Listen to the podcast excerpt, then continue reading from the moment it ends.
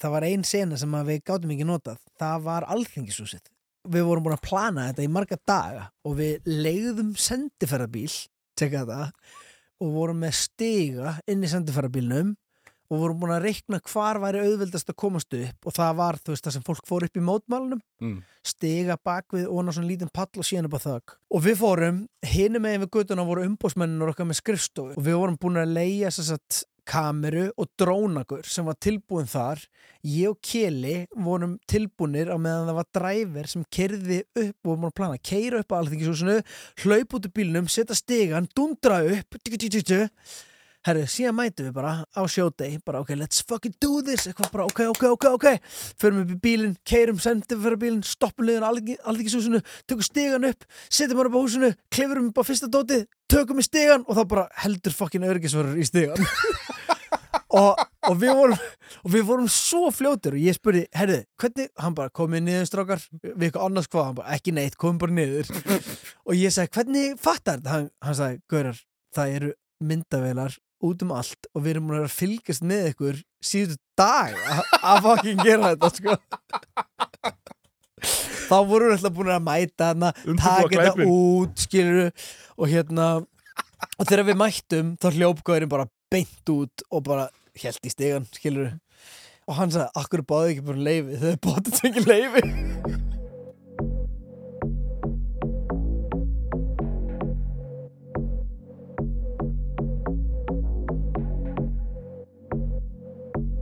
Komið í sæl, ég heiti Þórður Helgi og þetta er Greenland Pop.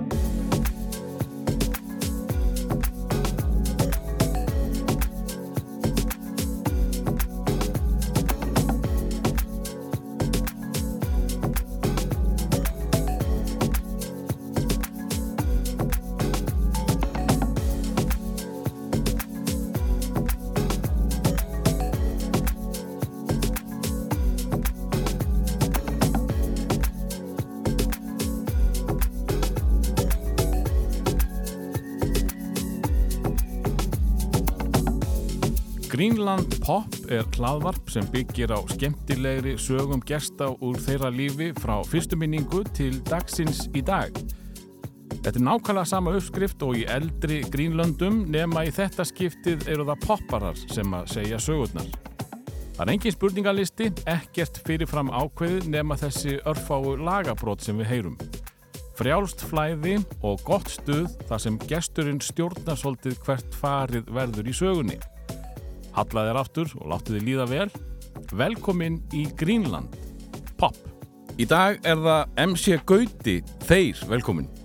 Beðlesaður Ég hef alltaf verið pínu uh, spenntu fyrir þessum uh, þeysurum í nafninniðinu. Já, Uh, getur þú sagt mér hvaðan það kemur? kemur bara frá hljómsveitinni þeir og, og ég held að hafa sem ekkit verið sko, ég hef spurt mömmu út í þetta og, hún sem sagt sér þetta nafn upprunnilega í plötubúð.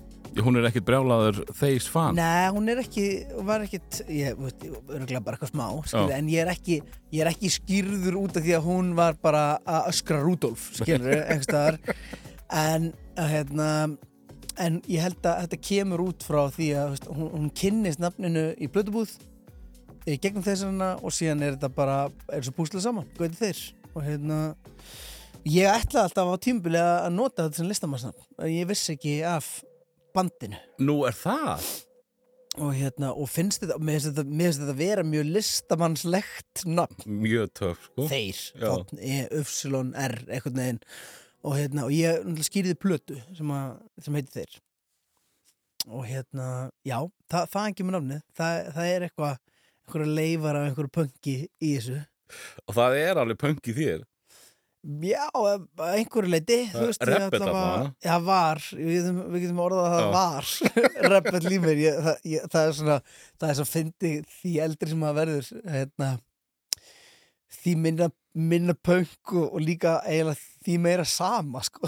þú veist, mér er einhvern veginn svona uh, kona mín segir sem það sé alltaf rebel, rebel límir þegar ég er eitthvað að- að stríða fólki eða, eða í einhver svona mér finnst það útrúlega gaman að koma mér í svona vandræðalega stöðu í samtölum og svona tóti, fokka þessi fólki skilur en hérna, en það er re rebellin sem var þarna uh, sem var þarna fyrir tíu árum er ekki, ekki hann lengur sko. Uh, hvernig er það fyrir uh, frekar heitan og, og harðan rappara að taka þróskan og verða svona soft? Eh, Ég hef alltaf verið soft Ég hef alltaf, eh, eh, sko, ef Þú einhver voru ekki látað í ljós. Ef einhver, ef einhver hefur sko miskilið að ég sé harður einhvers staðar, þá er það stórmiskilningur sko. Hérna, nei, ef þú myndir sko, jú, jú, kannski er einhver ímynd sem að maður spilar út á við uh, og ég menna sem er örgulega partur af mér líka skilur, Ma, maður á harða hlið og maður á soft hlið og, og, og, og allan pakkan en ég hef samt alltaf, alveg bara síðan ég byrjaði að gefa út músík, alltaf líka gefa út lög sem að kannski fara meira í, í hináttina Mm. en hérna að verða soft, ég held kannski meira þú veist hvernig er það að vera vinsæll rappari að reyna að halda í einhverja cool ímynd og verða þeir ekki bara ég líka, veist og mér finnst það bara frábært, en það er, var samt erfitt Er það? Ég, já, já, það að einhver leiti er þú veist, veist að hamskipti eru erfið skilur Ma Manstu, úst, hvaða punktur það er þegar það eru þessi ákveðinu hamskipti? Nei, það gerist svona hægt og rólega. Þú eignast fyrsta barn og, og síðan eignast í konu og, og, og græði barn með henni annað og síðan bara smá saman þróast þetta sko, þetta er Mm. smá svona eins og þetta er svona smá eins og fylgjast með barninu sínu sko, það gerist svo hægt og rólega og á hverjum degi að maður einhvern veginn kannski tekur ekki eftir beint það gerir samt fljótt Mm. Uh, Förum bara í byrjununa. Þessu- hérna, uh, fyrsta minning, Gauta? fyrsta minning ever Já, einhvað sem að þú Já. mögulega ert með í kollunum. Já, ég man fyrsta minning bókstælega er fyrir utan keilusíðu á Akureyri og ég er í kerru ég er í kerru, ég er svona þryggjára tökja þryggjára og ég er í kerru sem er með svona regnhlíf yfir og ég man þetta ótrúlega ég segi ekki skýrt en ég man þetta ótrúlega vel. Og næsta minning sem ég man er þegar ég stíplaði klósett í leikskólanum mínum Akureyri með epli. Og, ég, og það svo fyndið, maður manu þetta svona punktaskilur, ég var skammaður það mikið að ég manu þetta í dag. Þetta var eitthvað svona, þetta, þetta er eitthvað svona fyrsta trámað skilur og hérna, þannig ég man rosa vel eftir því. Þannig að hefur þú, þú þitt líf á Akureyri? Já, ég fæðist á Akureyri og er þar bara, þú veist, í fjögur ár en ég nota samt óspartiri fyrir norðan sko, af því það er svo vinsælt að segja eitthvað, vissu þið að ég er að norðan og allir eitthvað Woo! Yeah! Og síðan er ég í breiðoltinu þá er ég bara, vissu þið að ég er úr breiðoltinu síðan er ég í kóbói, þú veist, ég átti heima þar í hálft ára einhvern tímann, það er bara, það er bara maður er tækifæri sinni, sko Já, nákvæmlega. Uh, og, og hérna, þú vantarlega mannst þá lítið frá Akureyri. Hvert ferðu frá Akureyri? Ég fer Akureyri, flytt held ég á nýbílaveg í svona, í svona hálft ár og síðan bara bregðaldi og síðan er ég bara uppalinn í bregðaldinu Já, þú ert hérna- bara one in eleven eða hvað? Nei, ég er 109 Já. og menn, menn, menn Soft. Nei, en veistu hvað, nú ætlum ég að leiðra Soft. Að því að sko ég er alnu 109 er seljakörfi og bakkarnir Nú er það bakkanir líka. Já, þannig að ég er alnu upp í seljakörfi og ég ætla ekki að fara ég ætla ekki að fara að reyna eitthvað að, að segja, ég, ég er bara alnu upp á fínu heimili í fínu hverfi, myndi ég halda eh, og síðan hjá pappa í bökkunum sko, er okkur helgi og hérna, þetta er það sem fólk heldur alltaf að sé bara Severly Hills Mhm. sem er 109 sko fólki í bökkunum, það, það er hérna, mest gett og sitt sem ég hýrt á æfinni þegar einhver gauður segi, já, hvað ert þú Severly Hills hvað, að því að ég var í minni blokk en þú hérna en nei, nei, ég, ég já, er þar í, í bara tíu ári skóla og fyrir síðan FBA-nön og, og hérna, og flutti þá í 111 Þannig að þú ert alveg breiðholt. ég er alveg pjú, pjúra breiðholt bara, Ok. það er þar er hjarta sko. Og hvernig, hvernig gaur var uh, gauti þeir áður en að MC verður til? Sko ég ætla að verð MC Gauti bara, bara hvað er við að tala um? 11 ára, 12, 12, 12 ára verði ég MC Gauti. Í einhvers konar mynd, auðvitað ekki kannski í þeirri mynd sem að við hérna, þá byrjaði ég að gera rap. Og hvernig var ég? Bara venjulegur venjulegur strákur held ég hérna, ofvirkur uh, ofvirkur með aðtiklisbrest mikil orka sem að ég channelaði í hjólabörti og, og að gera músík og hérna já, ég hafa alltaf svona gaman var svona gaman af svona, svona spennufíkil mm. þegar ég var krakki, sko. og, og varstu með gengi? Ég var ekki með, ég átti vinni. Jú, ég átti líka einhverja, við okkur fannst gaman eitthvað að fara út og vera hjólbretti og spreyja okkur veggi og eitthvað svona dot sem ég mæla ekki með Mm. endilega, en, en jú, jú, gengi og ekki gengi. En, hérna, ég, ég sóttist mikið í gauðra sem voru að spá í hiphopi. Strax bara frá því maður steppi Þegar ég var svona 13 ára, þá fer ég sko, ég hef náttúrulega pappi átt í stúdjó Mm. sem að, sem að hétt Stúdjó Gnýr einmitt og var það sem Vá er húsið, nei var, var, já, var, þannig að fjólblóða sem búið að Mhm. rífa, og ég var alltaf hérna bara, það er það ennþá, nei það er ekki það ennþá, það er búið rífa það.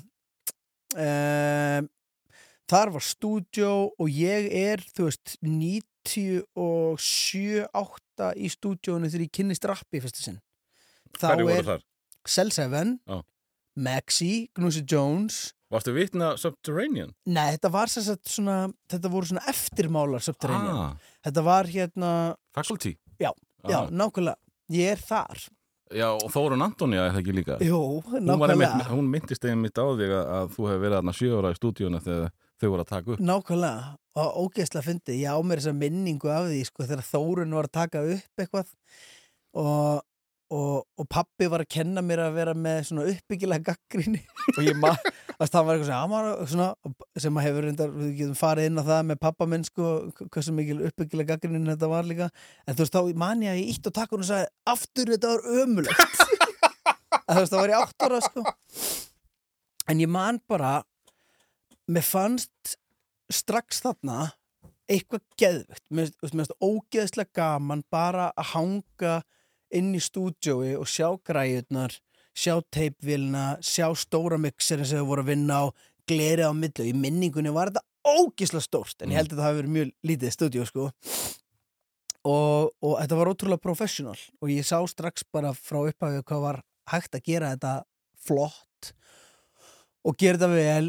Og síðan koma bara, þú veist þrýr svarti gaurar og hérna og, og Ragna og Maggi og, og þú veist, allt þetta lið og ég var bara dolfallin, ég var bara, herri, shit, hvað þetta er netti gaurar, skilur klættu sér nett, tölu, fucking cool voru, voru að rappa meðan það strax eitthvað svona alright, og ég var bara, þú veist að- þarna strax var ég bara, shit ég vildi óska þess að ég væri ekki hvítur skilur, ég vildi óska þess að ég væri þú veist, ég var að hugsa þetta þarna. Og hérna mér, þetta var bara eitthvað, þetta hillaði mig bara frá grunni og ég man strax að Ragna sko, ég átti uppáhaldslag á þessari plötu. Og ég man ekki allt versið, ég man að Ragna byrjar að rappa hérna, I remember last November I was on the radio, yeah og, og bara þetta, bara um leðan segi þetta og var ég bara, úf, Jesus Christ hvað þetta er nett. Þannig að ég byrjaði bara strax að sæmja rapp þarna, svona nýjára sko. Þannig að faculty eru, eru your muse. Það er fyrsta dæmið Já. það er fyrsta dæmið og í kjölfari gefur pappi með plötu með Jurassic 5 sem að hef, hefur verið þá þú veist, eitthvað sem þau voru að hlusta á og hafa sagt pappa að kaupa og síðan eignast ég 99 eignast ég hérna Slim Shady LP og það er alveg svona Þar finnur við hvítan mann sem var rappar. Já, fann ég hvítangur sem að Maggi náttúrulega var líka þarna sko, og hérna þetta var ekki e, þetta, ég, var ég, veist, ég held ég hef ekki einu svona vita eitthvað að Jurassic 5 voru svartir. Ég, Mm. veist, ég átti bara plötuna og, og veist, ég var ekki að skoða YouTube eða myndir að þeim á netinu var bara, það var bara eitthvað nett í gangi. Það var eitthvað bara við taktin eitthvað við rappið, eitthvað, eitthvað bla. En hérna, ég man bara þegar ég heyri Eminem fyrst þá er ég bara, ú, þetta er bannað. Þetta má ekki, það má ekki tala svona. En ég skildi náttúrulega sko 10% Mm. á þessum tímúti Hver- Hvernig var uh, Gauti í, í skóla með þessar greiningar sem þú varst að gefa mér hérna uh, ég var alveg sko, þú veist ágætis námsmaður svona framan af. Mm. og hérna ég held bara svona típist erfitt að sitja kjurr dæmi þú þurftir svona þú þurftir rétta kennara til þess að meðhundla þú veist, og þurftir svona tough love til þess að make a sense Varstu mikið á skólastjóra og þess að það er já Hvað, skó, mikið, sko. skóla varstu? Selja skóla Já. Sjátt á Þórð skólastjóra maður var aldrei sendur til hans Nei, nei, þetta var bara hérna ég held að bara svona eð, eð, eð, eðlilega mikið sko, en samt alveg, þú veist, ég, ég, ég man ég átti erfitt með að channela þessa orku, þú veist, að fyrir mig að sitja kjör í lengri tíma var, var ekki málið Mm. og hérna, og ég held ég held að þetta sé búið að breytast ég þekki ekki ég þekki þetta ekki, en ég held að það sé verið að gefa krökkum aðeins meira pláss til þess að hreyfa sig og, og, og, og þú veist, finna sig í öðrum hlutum heldur en bara pjúra að sitja. Veist, ég er ekki að segja mest frábært að læra allt þetta þegar fólk er eitthvað að segja okkur voru að læra landafræði, ég aldrei nota maður er bara, já, það er að því þú ert að fucking þjálfa heilan. Shut the fuck up, skilur þú ekki, þú fer ekki og tekur bicep æfingu bara til að taka síðan bicep æfingu, skilur, og gerir það til að þjálfa vöðvan og síðan fer og gerir eitthvað annað en en hérna en ég, meðanst svona ég man eftir því að ég spáði ekki eftir mikið í músík og það var gert lítið úr í Í skólanum? Já. Nú, ég man eftir því þetta var svona veist, og líka bara, þú veist ég var með læti og það var gert lítið úr því eh, var það þá aðdeglisíki eða bara njálgunin? ég held bara, ég hef verið með blanda af því bara að, þú veist, vera bara veist, hormonafullur úlingur uh, ekki alveg vita hvernig maður ætti að hegða sér og aðteglisjúkur í leiðinni sko, að kalla eftir einhverju sem að, sem að verður síðan setna mér atvinna mín þannig að veist, jú, jú, þú veist, ok 11-12 ára gamli krakkar sem eru óþólandi, eru óþólandi en leifið þeim samt að vera óþólandi þeir hætta, þú veist, Ekki alltaf- ég veist bara ég, þú veist, auðvitað er auðvelt fyrir mig að segja þetta, ég er ekki kennari skilur ég gæti aldrei verið kennari. Mér er gaman að skemmta krökkum en ég vil vera farin eftir klukkutíma skilur e, veist, kona mín er kennari skilur hún er allan daginn að, að díla við fólk. En, en ég held að ég held að við þurfum að leifa krökkum líka bara veist, ekki fara bara veist, ég man eftir það var umræðum að setja mig á lif þegar ég var krakki. Mm. og ég er ógslag glaður að það var ekki gert. Að þetta var bara í alveg talað eitthvað face. Og síðan veist, og ég er ekki að segja að auðvitað eru margir krakkar sem þurfa á því að halda. Veist, það eru til extreme case.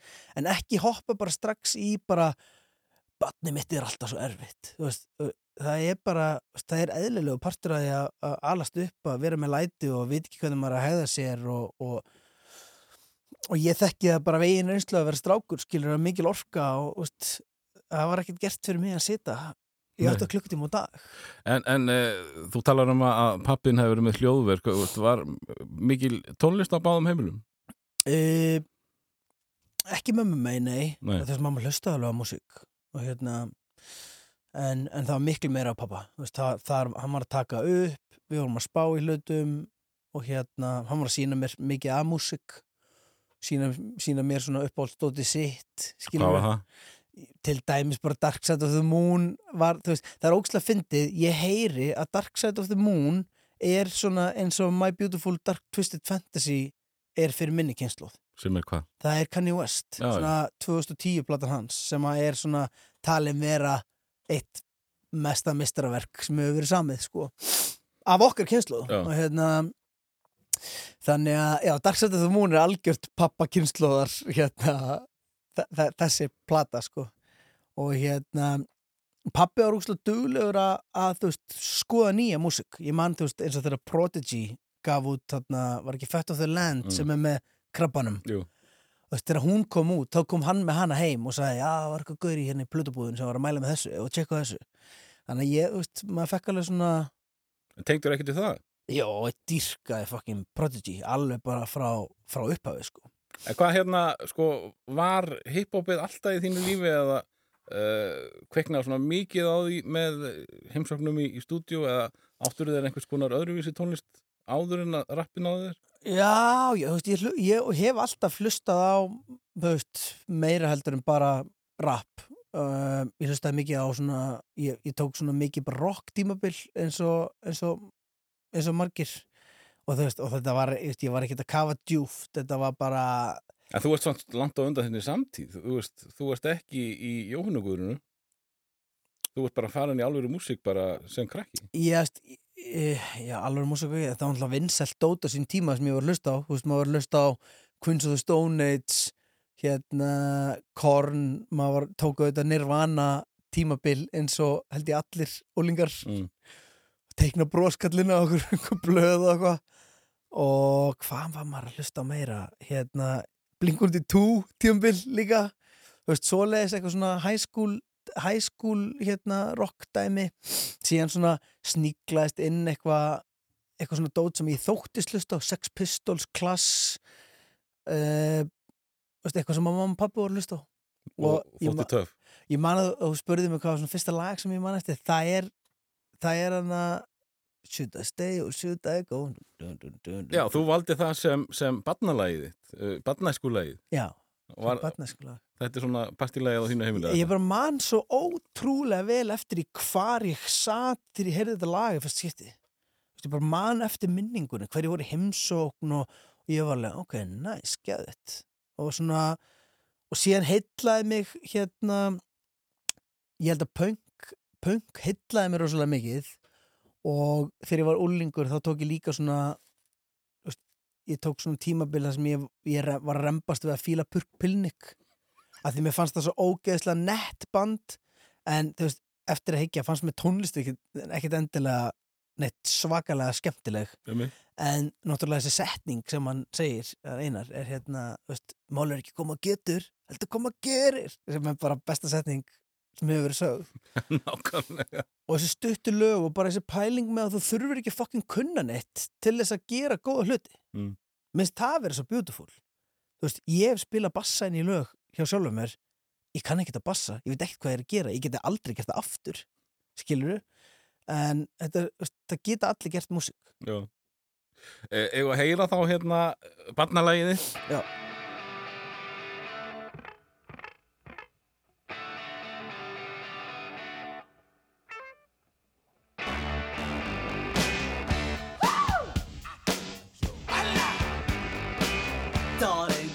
To let me know. Should I stay or should I go? If you say that you are mine, I'll be here till the end of time. So you got to let me know. Should I stay or should I go? It's always tease, tease, tease. You're happy when I'm on my knees.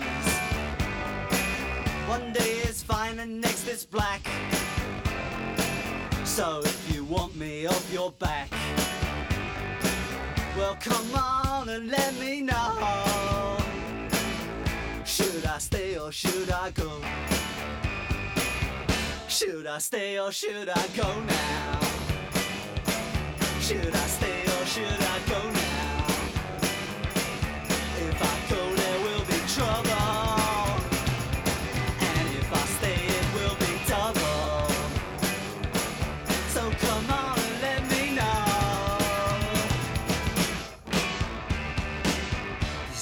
This indecision's bugging me.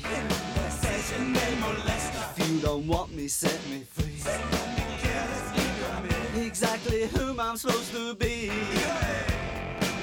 Don't you know which clothes even fit me? Come on and let me know. Should I cool it or should I blow?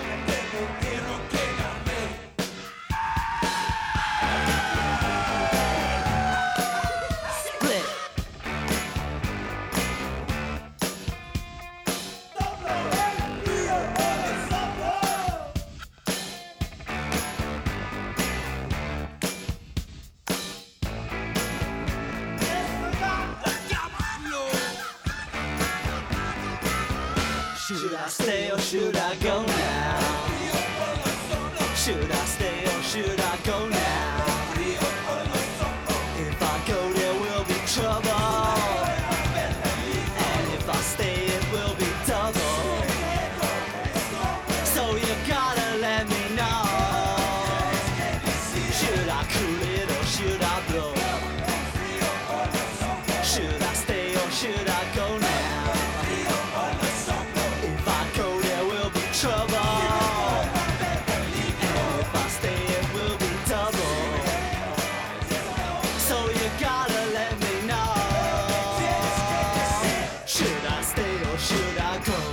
Þetta var sem sagt hljómsveitin Klass og uh, svona badnæsku lag uh, Gauta. Uh, við ætlum að færa okkur þá aðeins yfir í unglingin Gauta. Og uh, þú ert náttúrulega ennþá unglingur þegar að uh, þjóðin fær að kynnast þér í fyrsta skipti. Hlýðum aðeins á. Má rapp í þessari keppni? Spyr ég, af því að ég er náttúrulega bara nýr. Það má allt í þessari keppni. Það er enga reglur. Það er þú sem ert að ríða að kæft. Það er enga reglur, er það ekki? Já, Það er ekki bara að byrja. Ég man hvað mamma bara í stuður í fyrsta genið með fyrsta tala Segðu mamma, segðu pappi, sagði bara kúkú pappa En orðið sem þú með skólastjóras. Ég fekk að kynnast því þú drekin út úr tíma Ef þú reynir að svara fyrir því Þau vilja að við höfum látt síðan hvíslandi Ég segi það því það er málfrelsi á Íslandi. Ég elska tíma núna, allt svo breytt. Fyrir nokkrum árum þorði engin að gera neitt Það er marginskrinni undan borðunum Það er gott notu flest bara orð Þau vinna meiri stúpid morð. Þetta hefur náttúrulega verið dreigið upp margóft. Uh, þú í hérna ædolunum. já, Og uh, 15 ára 14 eða, ég er, örugglega- ég er í tíundabökkana þú ert allan ólegulegur. Var ekki 16 ára aldur takmarkað eitthvað Já, svona? ég fekk að fara fekk að fara með í öruglega bara því að þetta er ógslag gott content að koma einhver fárlega klættu gaur með teina og sér rífa kjáft sko Eitthvað content svo eina borða getur sagt eitthvað fyndið En, en þarna ertu bara, úst, maður heyri það alveg að drengurinn kann alveg að rappa. Já, já, þetta er hérna og er að segja eitthvað, þetta er fyndið maður, ég, þannig er ég með að tala um í textanum eitthvað svona þa- þannig er ég að tala um það að mér finnst ég ekki fá respekt fyrir að vera að rappa, skilur Mm. svona, það er verið að segja þeir eru að segja mér að svona En ég fann í kistunni góðu eh, MC Gauti skrifað M og C. Já. ekki eins og þú skrifaður í dag Já. lag sem heitir Reykjavík og Ljóti Drjólin Já, og þú sagði mér í gær að það héti það ekkit Nei, það hétt bara Reykjavík. Það var til annar lag sem hétt Ljóti drólin Ok, Þegar ég tók þátt í rýmnarflæði þá held ég að ég mætti taka tvö lög. Þannig að ég skrifaði ég ætla að taka Reykjavík og líka Ljóti Skilurðu? Þannig að þegar þessi plata kemur síðan út, rýmnarflæði plata, þá heitir þetta lag Reykjavík og Ljóti drólin sem er, og hvað hva fókin lag heitir Ljóti drólin skilur, og það lag er ekki til, ég veit ekki hvað lag það er. Nú ok. Ég, veist, ég allavega, það er náttúrulega, þetta er fyrsta upptakan af mér ever. Já, Þetta er, er live. Rýmlarflæði 2002, þetta er, fyrir þetta, þetta er fyrsta upptakan sem er til á mér, ever. Og, og það nestu bara 11-12 ára, maður heyri það bara ert 2002, ég er 12 ára, Já, örgulega, ég er að verða 13, en ég, ég er 12 ára ennþá. Ég er náttúrulega fættur sko seint á árinu, þannig að, þannig að ég, hérna, já, ég er, ég er 12 ára 13. Ég er í áttundabökk, þannig að, heyrum hérna Reykjavík og Ljóti Drjólin. Heldur þú kannski að lagi sé búið Killar krátið alveg þarna, sko. Sittu svo ógæstlega falleg stúlka En hvernig á ég ást mína að dúlka? Ég læta bara vera og fernir á yngo En ég get ekki skeita Það er gaman fólk í bingo. Ég verð bara að taka þessari borg svona annars verði kallaður kona það er svo gott að vera bara ég verð bara að taka þessari borg svona annars verði kallaður kona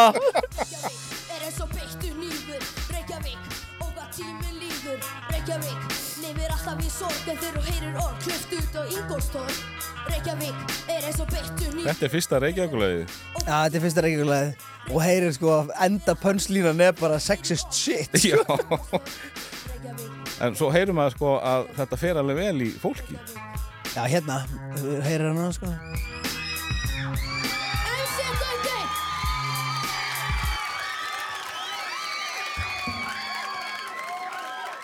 Þetta var, þetta var svolítið eh, flott eh, hérna seria, þetta rýmnaflæði. Þetta gekk í einhver árið þegar Þetta er ennþá. Þetta er ennþá? Já, þetta er ennþá, ég er sko búinn uh, síðustu tvö ára er þetta búið að vera streymi en fyrir það ég tók þátt í rýmnarflæði frá 2002 og í nýju ár ég var bannaður í eitt ár og síðan var ég fimm ári viðbóta eitthvað, alltaf kynnir eða dómar eða spila. Þannig ég er búin að vera þannig að ég var bannaður eitt ár af því að ég var í myndbandi með Ditta Fel sem hétt Sjúkur og var hann að ég er sjúkum maður sjúklega fren og sjúklega graður.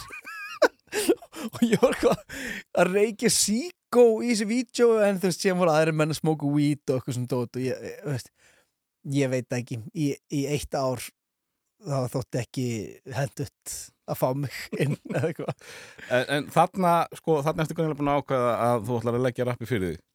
Maður heyrist það svona á öllu. Já, mér finnst þetta alltaf gaman Hver, ég, hver, hver hjálpaði með bítið og svona?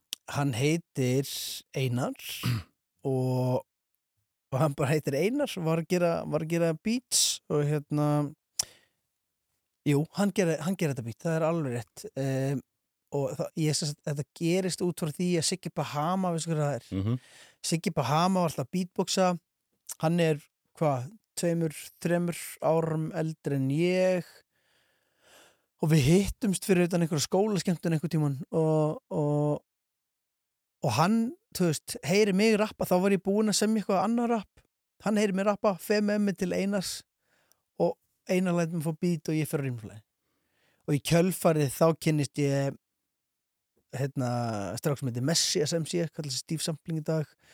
Dóri Junglist er uh, gaur sem var að gera svona drum and bass stuff fyrir að gera dót með honum. Maxi pródusar eitthvað fyrir mig og Atti Intro líka. Þannig að en þetta er allt alveg ræðilegt stöf sko. Bara Er þetta til? Já, já, það er alveg til hérna það er til sko það, er, það var eitthvað af svona rock.is, eitthvað á hippa.is eitthvað á hugi.is þetta, er flest á YouTube sko Já. hérna uh, já, en þú veist þetta er allt eitthvað bara tekið upp náttúrulega bara heima mér undir einhverju sæng eða gegnum einhver headphone eða þetta, þetta er Uh, en lægi sem ég tók í rýmnaflæði það er kannski fyrsta lægi sem ég fór svona almennlega í stúdjó og tók upp sem var lag sem heit umræðu efni sem við fyndið sko. En hérna, Er það þá setna? já þá er ég veist, í tíndabekka eða eitthvað, eitthvað, eitthvað svo leis Og hvenar, hvenar ferðu að sjá að, fólk er til í því? svona 2016 eitthvað svo leis nei, sko uh, ég byrjaði í hljómsveit 2006 eða 2007 með Jó, Jóadegi sem að við byrjum hljómsveitina skábræður. Og, og þá svona þú veist, þá í fyrsta sinn þá er ég, þú veist, á fyrsta ári í mentó við erum að gera músík og við erum farin að spila eitthvað svona félagsmiðstöðum og, og hér og þar. Og það var svona smám saman þú veist ef ég hugsa tilbaka ég var alltaf að reyna að tróða mér eitthvað inn og rífa kjafta á þessum síðum og eitthvað svona dót og fólki fannst ég óþálandi þannig ég þurfti smá að þú veist, ég þurfti smá að slípa demantinn sko. Ég fann alveg, veist, ég þurfti að vinna geðið mikið fyrir því að ég kem inn sem bara eitthvað svona ömulegur krakki með kjaft og þarf svona til þess sanna að ég sé ekki þessi krakki sko. Og 2007 fer ég í fyrsta sinn minni mig að spila í fyrsta sinn á Airwaves þá var ég nú búinn að spila eitthvað á einhverjum bar einhver tíman en 2007 fer ég í fyrsta sinn á Airwaves þá er ég 17 ára og fyrir að spila hérna tek eitt lag með Poetrix. Já. það sem að hurra er núna. Og, og þá tók ég lagi Stelpar næsta húsi sem var lag með þannig hljómsveitinni skábræður. Og Ekki- þá er ég bara wow, ok, geðvitt Stelpa næsta húsi, hvað er máli með þessa kenningu? Ekki hata þessa setningu, verð alltaf mikla merkingu Sjá þessa kettlingu, verð það búið bóla sem sopaði liggjandi Glittir í bringu tattu, ég vildi væri þetta fyririndi Hún er um það bil 25 og veit að sensta sem hún gerir er að Þetta hugsa er sannsöguleg. Leið mér að dreyma Nei, ég er örugglega ekkert satt í þessu sko. ég, man, ég man ekki, þú veist, ég held að annað versið hafi verið samið um einhver dönsku kennara það hafi verið eitthvað pælingin sko.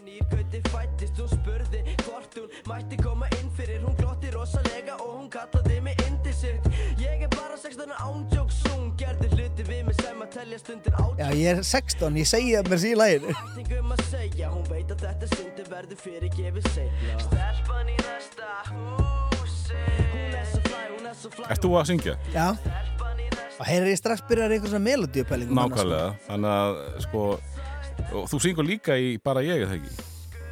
Jó, jó, það var svona það var svona það er aðeins setna, sko, það er 2009-10 eitthvað svoleiðis sem leiðir veist, þarna í raun veru er ég ennþá bara þarna MC Gauti skrifa svona M og C Já. Gauti að það breytist 2010 og hérna, en ég er í þessar hljómsveit síðan byrja ég í annar hljómsveit hérna 2008 sem er 32C þá Gnúsi Jones og Dabbi T og við gerum þrjú lög og síðan hættum við. Bara, þú veist, ég manna ekki. Ég, ég held að ég held að ég og Dabbi höfum verið of mikið að spáði hver var frontmaðurinn eða eitthvað sko. Og Með gnúsa með ykkur í, í liði Já, hann var samt alltaf svona, þú veist, hann var, uh, mér langar ekki að kalla hann aukagaurin, en hann var ekki mikið að spá í því og við, Mm. veist, eitthvað svona, veist, uh, ég, ég man ekki hvernig þetta kom til, ég hvort að Ómar Ómar sem var með hippo.is skipað okkur að gera supergrúpu eða eitthvað og við spilum, veist, á einu erfefs og, og síðan bara, var þetta eiginlega bara búið, sko, og hérna, og síðan fyrir solo, þá kynnist ég þá kynnist ég strákum sem að kölluðu sig Sea Squad kölluðu síðan síðan setna meir og kalla sig uh, Red Lights og, og partur af því er Glacier Mafia í dag sem vinnur með Gísla Pálma. Mm. og þetta er gaur, ég er í stúdjó þannig að 2009-10 þetta er sama tíma og Frikki Dóri er að koma inn í þetta stúdjó hjá þeim og ég fyrir að vinna fyrstu sóluplötunum mína sem er bara ég Mm. og, hérna, og bara ég er fyrsti singull af já, þeirri, þeirri plötu En hvað er, hvað er að gerast í, í lífi Gauta á þessum tíma?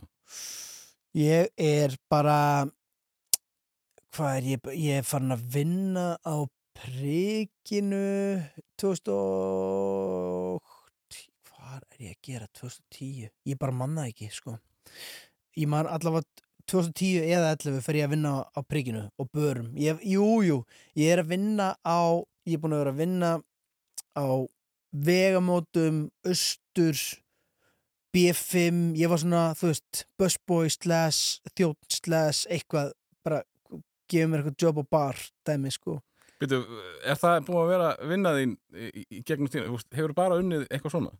Nei, ég var að vinna, sko ég fór að vinna í Smass þegar ég var í nýjöndu bekk var að vinna þar í tvö ár kynnist ógstlega mikið af liði þar líka bara að gera hjólbretti og sem var að gera rap og vorum alltaf að selja rapdiska í Smass og kynnist alltaf senunni þar þú veist, þar er ég fyrst að hitta þessa gauðra hérna, þú veist, þeir eru alltaf að koma inn erpur og, og Dordina og Dandelux allir þessi gauðra sem ég leit hef ég mikið upp til þessum tíma voru alltaf að koma að vesla föta mér, sko og hérna það var mjög, mjög gaman og hérna uh, og síðan var maður, ég mætti okkur einustu hip-hop jump sem voru í bóði, skilur menninganótt, ég var að finna ó, að geðu klippa sem ég fann um daginn því vinur minn er að gera getum sagt bara að að gera heimildamind ég held ég með ekki fara meira út í það Ok, en ég finn klippu af mér 2013, nei 2013 2003 2002 eða 2003 eða 2003 þá var ég að rappa fyrir utan Exodus með eitthvað rastafari hatt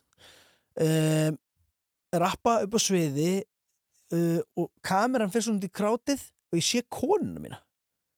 Já, sem sagt, þú þekktir ekki þá? Já, hún var með mér í grunnskóla sko. Ok, en þú veist, bara þessi minning að eiga þú veist, við náttúrulega vorum ekki sama þá og, og ekki búin að vera sama þá. Eh, bara að ég að rappa og hún horfa á múti í krátinu, sko, ég vil meina það að hún hafi verið bara on a mission síðan þá. Hún heyrði þessa rýmu og hún var bara gotta get that boy. Gotta get that boy. Og hún hafi verið að krýpa einhvern veginn í getur mitt líf, sko. Mm. elda mig á tónleika og svona. Og þetta er geggju klippa eða sína þess að klippa þetta en hún geggjuð. Um, en hvað ætla að segja, ég fór á allt sem var í bóði pappi fór með mér á allt sem var í bóði á þú veist, ég var að mæta á Loop Troop tónleika, Atmosphere tónleika uh, DJ Premier uh, þú veist, alls konar dót veist, og pappi fór með mér þá veist, að þú varst ungur eða? já, bara 13-14 skiljum Já, ok og pappi eignast mér svona vin sem var líka alltaf að fara með sinni sínum það voru svona tveir pappar aftast Eh, Var þá ekki frábært að fá þetta mikið stuðning frá Foreldrar? frábært, skilur pappi veist, pappi á bara stóran þátt í að ég sé að gera þetta. Mm. og, veist, og hann hafi sint þessu áhagamál farið með mér á tónleika, minnst þetta ekkit sjálfsagt sko, bara og líka, þú veist, ég þessina, ég held að það sé ríkt í mér að ég reyna alltaf að gera eitthvað fyrir krakka líka. Mm. þú veist, ég er með jólatónleika og síðan er ég líka með fjölskyldugík með og það er ódýrara til þess að krakka geti mætt. Þú veist, ég gæti grætt meiri pening með að halda bara annað fullariskik mér finnst einhvern veginn ég skulda líka ég er, þú veist ef ég mætti óska þess hvort ég væri að spila fyrir þú veist, fyrir, þú veist, 18 plus lið eh, versus að spila fyrir 8 ára gaur ég myndi alveg kjósa mér frekar að þessi stemming og fólk sé að fá sér bjór og bla en maður verður að sinna hennu. Maður má ekki gleyma því að þú veist, við þurfum að ala börnu upp líka í músík og leifa þeim að hafa gaman og leifa þeim að njóta menningar eh, bara til að sjá hvað er í bóði Eh, En pappin var með eh, stúdíó þegar það varst mjög ungur. Mhm. náður, náður ekkert að græða því? Var, Nei, ég man ekki hvernig er hætta en það er farið áður en að ég fyrir að gera eitthvað? Já, eitthvað svona alvöru. Já. og í raun og veru set ég þó ég veit að ég var búin að vera í hljómsveitum og, og búin að prenta út einhverja gislidiska og spila fullt af giggum, félagsmiðstöðum og, og hip-hop jömmum og svona bla þá í raun og veru set ég svona veist, mér finnst að minn ferill hafi byrjað 2011 sko. mm. Veist, e, e, ef, og ég hef oft sagt sko, ég horfa á þetta svona eins og þú veist, þú byrjar ekki að telja feril píanuleikara um leið og hann sest niður við píanóið það, hérna, það byrjar þegar hann fyrir að vera atvinnumæður í einhverju og ég meiri segja að varði ekkit atvinnumæður 2010-2011, það er ekki fyrir 2015 sem að ég eða 2014 s- hoppum, hoppum síðan aftur tilbaka en 2014 tek ég ákvörðun um að hætti í vinnunni skilur Já, ok. og ok, ég ætla að testa að vera bara tónlistamæður ég man að var, þetta var mjög svona þetta var algjör ákvörðun sko. Mm. en 2010 þá, þá ger ég þarna fyrstu plötuna og, og það er í fyrsta sinn sem að ég svona finn fyrir uh, þú veist, fólk er að spá í mér þú veist, ég fer að ég, fæ að, ég fer hann á forsíðun á monitor og ég er tekin í einhver viðtöl og ég fara hann að mæti útvarpið og doktor Gunni skrifaði að ég væri ríðu pissudúkka einhvern tímann. Ríðu og pissudúkkan MC Gauti var byrjunin á einhverjum plötudóm. Og ég var bara, vá hræðilegt dæmi, fyrst að geða gaman þá. En, en sko, þú ert að verða nafn þetta er svo skrít, ég alveg þetta ég þarf að finna ég bara, þetta er svo skrítin hérna, hvað segir þú, þú, þú, þú ert að verða nafn á þessum tíma Já. hvernig, úst uh, uh, ertu að fá mikla aðtigli já, já, ég, veist, já maður var alveg orðin svona lúmst lúmst vinsæll í einhverjum hópum mm. og ég var ekki búin að breyka mainstream þarna um, og, og í raun og veru skilur hvernig, sko að því nú maður er búin að heyra, úst, þekki, þekkja nafnið þitt mjög lengi mm án þess að, að tónlistin fara endilega upp á yfirborðið.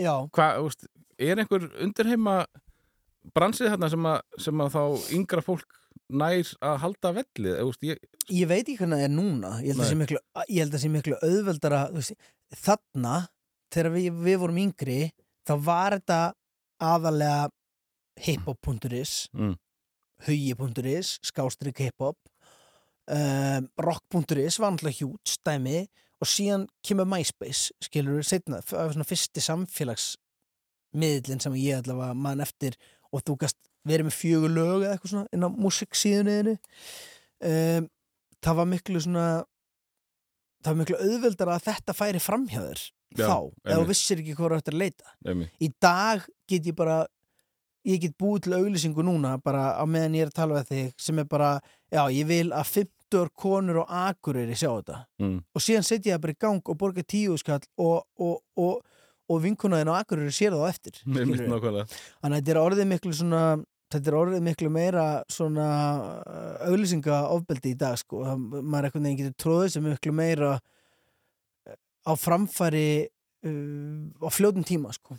En, en þarna er, húst, þið eru með þessar örfáu hérna, síður og, og MySpace er að detta inn, mm en þið hafið alveg karýr í félagsmyndstöðum, eða ekki? Jú, en þú veist, á þessum tíma var maður bara að spila frýtt. Já, það var þannig. það var ekkit eitthvað, maður kannski spila fyrir 15 skall, eða 10 skall, eða, já, eða þú veist, ymmit, þetta var ekkit hérna, þetta var ekkit orðið neitt, þetta var ekki orðið neitt neitt.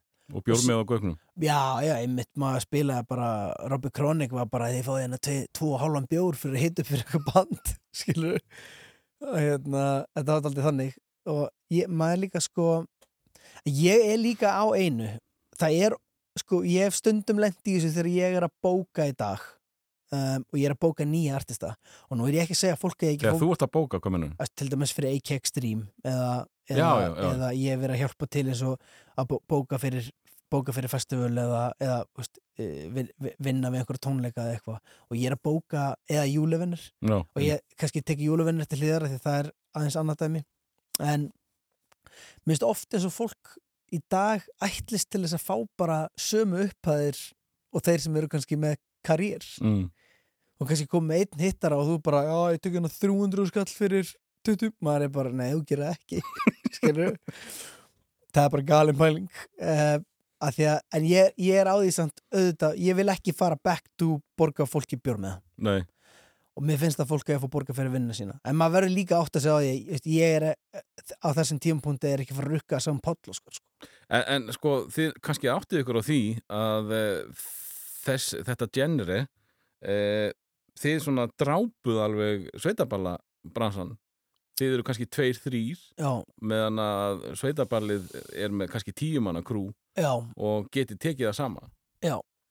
Já, þetta er búið, já, ég veit það. Þetta, ég raun og veru, sko myndi segja að það hafi gerst með Rottvælis Já, einmitt, Það- þeir voru náttúrulega tíu eða eitthvað. Þeir voru auðvitað í raun og veru bara sveitabáluvand Já. að einhver leiti um, en ég er náttúrulega ég, ég eiginlega gleymi að koma inn á að þú veist, Rottvælir er rosalega mikið inspiration fyrir mig Er það ekki fyrir bara alla senuna? Jú, jú, bara þú veist að mér er alveg sama hver ætlar að fara að þykjast vera fyrstur að rappa hvort sem að sé hérna einhver nonni í grái eða þú veist og respekt og Cesar A fyrir það sem hann var að gera og, og, og fleiri gaura, skitturnar gátt eitthvað disko og hvað bla en þú veist, fyrsta dæmi sem að breyka mainstream almennlega á Íslandi er Rottweiler, skilur þá spá allir á Íslandi í því að rappa skilur og hérna rýmnarflæði 2002 þetta var ekki bara gaur að rappa skilur ég, vinkona mín, þú veist, Þurastína sem er núna reykjagut þetta, hún var að rappa sama ár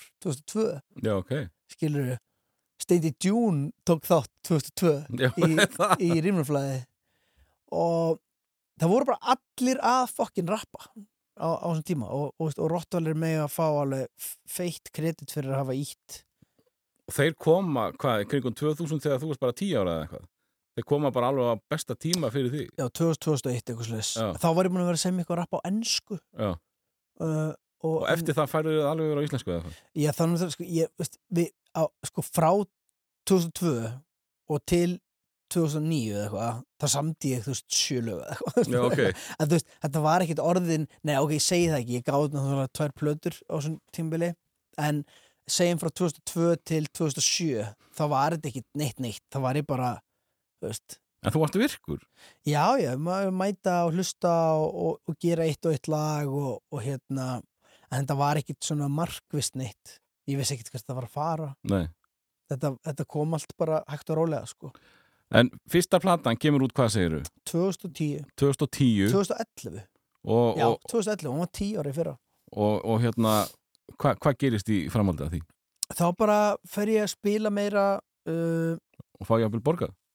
já, eitthvað mjög lítið, sko. Mm. eitthvað, eitthvað djók eitthvað djók upphæðir bara áfram og, og einmitt, mikið að spila þá maður fann að taka, þú veist, meira veist, spila á prikinu skilur taka svoleiðskik spila fleiri börum, ég fór að DJ líka með og, og, og hér aðeins setna meir fór ég, þú veist, DJ á Dolly og fleiri stöðum en aðalega alltaf á prikinu, sko. Og ég er alltaf að vinna börum hana með og, og er að vinna á prikinu, ég vinn á Dolly Ef maður spyrja, hvað hérna veistu hvað er búin að skjóta príkinu inn í marga texta það? Vá, örgulega ekki það marga, Er það fimm eða eitthvað. Ok, ekkert eitthvað sko priki er náttúrulega bara mekka hiphopsins Þetta- þetta- þar, þarna fengum við eitthvað svona samastað þú veist, til þess að og ég raun og veru í dag það eru tv- tvö ár sinni spilaði síðast á prikinu en mér finnst okkur gott að fara veist, ég ger mér alveg grein fyrir ég, að ég, veist, ég er ungur en ég er samt orðin gamlegurinn á prikinu skilur ég er 33 ára. En að fara með nýtt dót og testa það þar mm. í safe environment veist, ég get ekki testa nýtt laga orsatíð ólís, skilur, það er bara þau eru bara hætt þessu, skilur, hætt þessu kjæftaði Syngdu Reykjavík! Aftur, trúður, dansaðu segja þið við mig. Þetta er Malbygg En hérna veist, það er svo gaman á príkinu það var bara einhver svona öðruvísi stemming geðið hip hop based og hittir alla rapparana þar allir sem komu ánga voru að spá í rappi og það var rapp á kvöldin maður var að geta á dag ég bjóin svona á efri hæðinu á príkinu sko í blokkinu hana bakvið ég var að vinna á príkinu ég borða á príkinu, ég jamma á príkinu ég spila á príkinu ég, þetta var ótrúlegt sko. En þetta er samt fáránlegu staður. Pínu lítill, dansgólfið frímerki, já, en það er alltaf klikku stemminganda.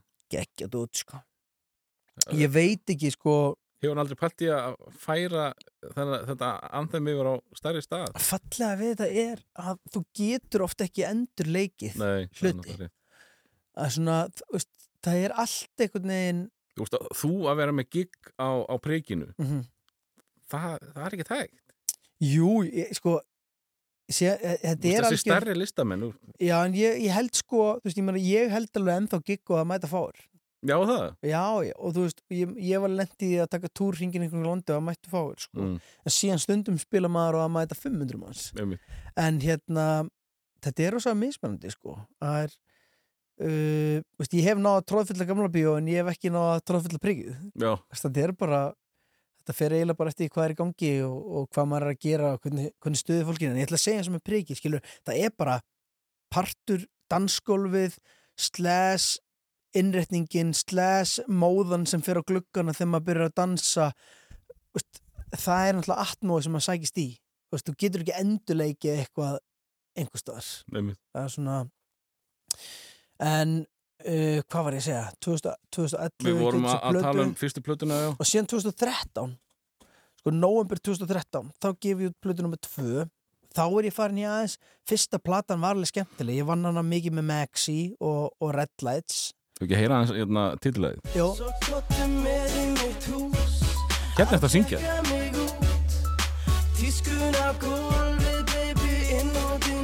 Er þetta Maxi Beat? Nei þetta er Red Lights Já. þetta er, ég ætla að fá að halda því fram að þetta sé fyrsta rappla á Íslandi sem er með autotune Já, það. ég veit það ekki alveg, en ég held það ég, ég er ekki viss Stend upp og svara. Lýs síðan sögum ég verði að fara. Bjór til í kvöld, við tvö að spjalla. Glæta spætna kannski er að fara að gera hana Sorry að ég hafi glatað því Til að halda þú sér þín eina sanna Þetta er flott production. þetta er geggja beat og þetta er hræðilegu texti sko. þetta er eitthvað eitthvað, eitthvað, já, einmitt En þetta er þá bara rock.is og hiphop.is. Nei, þetta YouTube? fyrir á YouTube Þetta fyrir á YouTube. Þetta fór á YouTube Og er YouTube orðið eitthvað þarna? Nei, Nei. ekki þannig sko þetta, Það var ekki sko Hvað með? Hvenær fyrir þetta í útvarp? Nei, þetta fór, ég man ég stó, var á B5 þegar Harmageddon ringja í mig uh, og þeir eru báði vinni mínir í dag fór stöðmanni en djöfull hataði ég á eftir þetta viðtal af því að þeir ringdi í mig og gerði svona áður en að Harmageddon voru bara að nöldra yfir pólitík Já.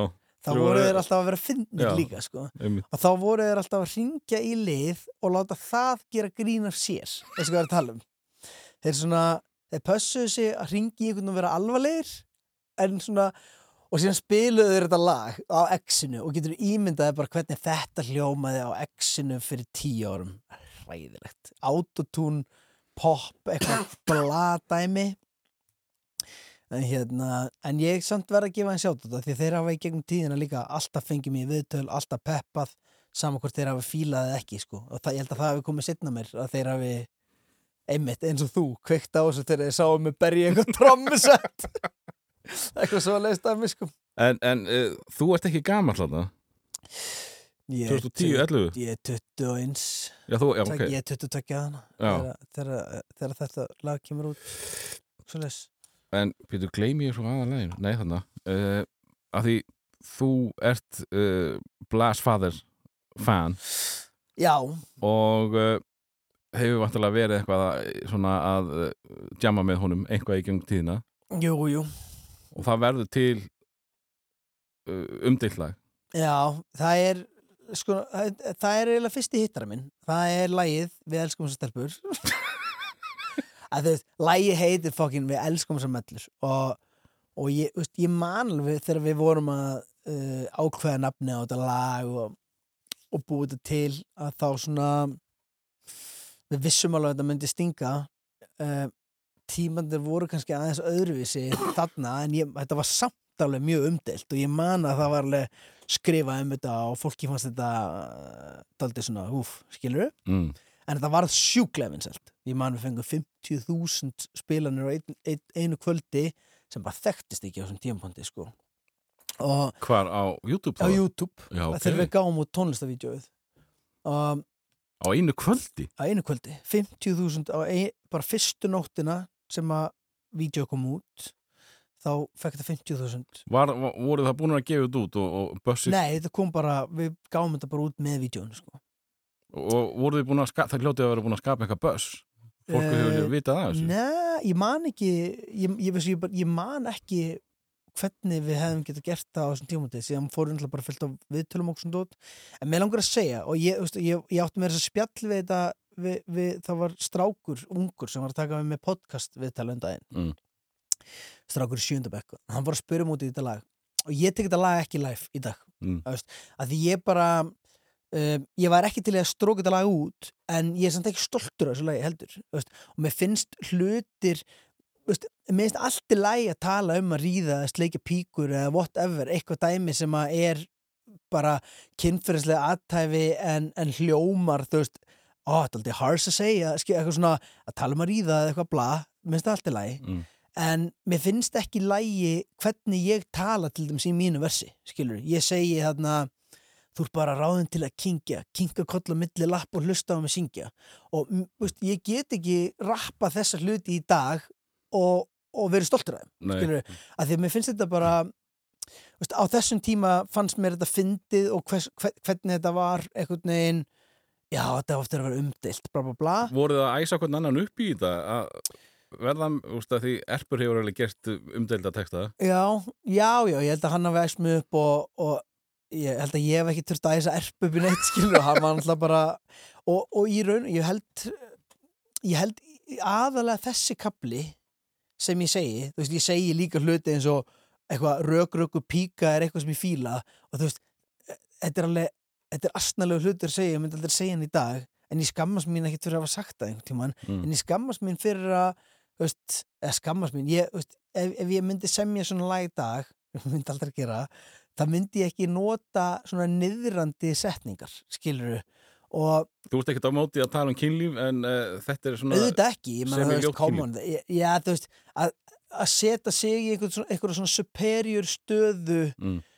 um, til þess að, upphefja sjálfa mig með að segja að kona sé að gera eitthvað við mig, skilur og þetta er alveg að sama og, og hérna þú veist, ég fengi stelpur til að koma að vera eitthvað á rassinum í vídjói og ég teki mér þess að tvö vídjó út af netinu að mér fannst þetta nett einhvern tímann og mér fannst þetta eðlilegt og öllum fannst það eðlilegt en, en það bara sem líður tíminn og er skoðan er breytast og maður verður líka að skoða sjálfa sig og maður verður að skoða þú veist að ég veit það ekki, menninir tímannir breytast og þor, maður þroskast og, og, og alls konar hlutir skilur en, en, en uh, per se að segja við elskum þessar mellur og, og grunnurinn var að erpu að segja, já, ég menna, þú veist, við erum sjálfi mellur, eða ég ætla að segja að við séum mellur fyrir svo mikið hjá þá erum við sjálfi mellur. Og mér finnst ekkert að ég að segja það, Mm. skilur en, en þegar þú voru að vinna þetta hvernig var tilfinningin? Úst, varstu einhvern veginn uh, þetta er kannski svo mikið Nei, bara, allan tíman bara, let's fucking do this! Eitthvað, þetta verður fyndið Segðu það erpur Við elskum þessa mellur Við viljum auðvelda stelpur. Segðu það erpur Við elskum þessa mellur Ég fly, þú næs. Hæ hæ, cutie pie. Good night þetta er alveg já. Ég man eftir þessu og myndbandið er líka hérna sko seminast í og þar er hann í hlutarki bara The Blast Father sko. Já, þá erum við, það er einmitt eitthvað svona, þú veist svona pýjur með grímur, eitthvað svona ég, ég man ekki ég man ekki hversu gróft vídeo var en ég held að sé þú veist, við, þetta er aðalega við eitthvað að drekka eitthvað, ég er að drekka eitthvað grillvögva og erpur að drekka eitthvað rom og, og, og þú veist þetta er, þetta er, þetta er margt fyndið við þetta, ég man við kom hann að kjartani alla uh, sem er fréttamaður uh, Körbólta mm -hmm. Körbólta kjartani allir, við komum honum í vandræði með að við sömbluðum hann hann segir eitthvað, þetta er allt píkur. Og, og við settum hann inn í vídeo og þetta varði eitthvað svona næstu í að eitthvað máli. En þú veist já, að ég veit ekki maður. Ég, þú veist ég, þe- þú veist, þetta er partur af þetta er partur af minni sögu en mér finnst alveg eðlilegt líka að geta tala um þetta svona og, og eins og ég sagði við hennan þessi punktur minn var að ég var að segja við hennar strák að því að hann sagði að þetta er samt svo gott lag. En ég, ég sagði þú verður samt átt að að mín skoðun á vissum hlutum í textanum í dag er, er önnur en hún var þá. Mm.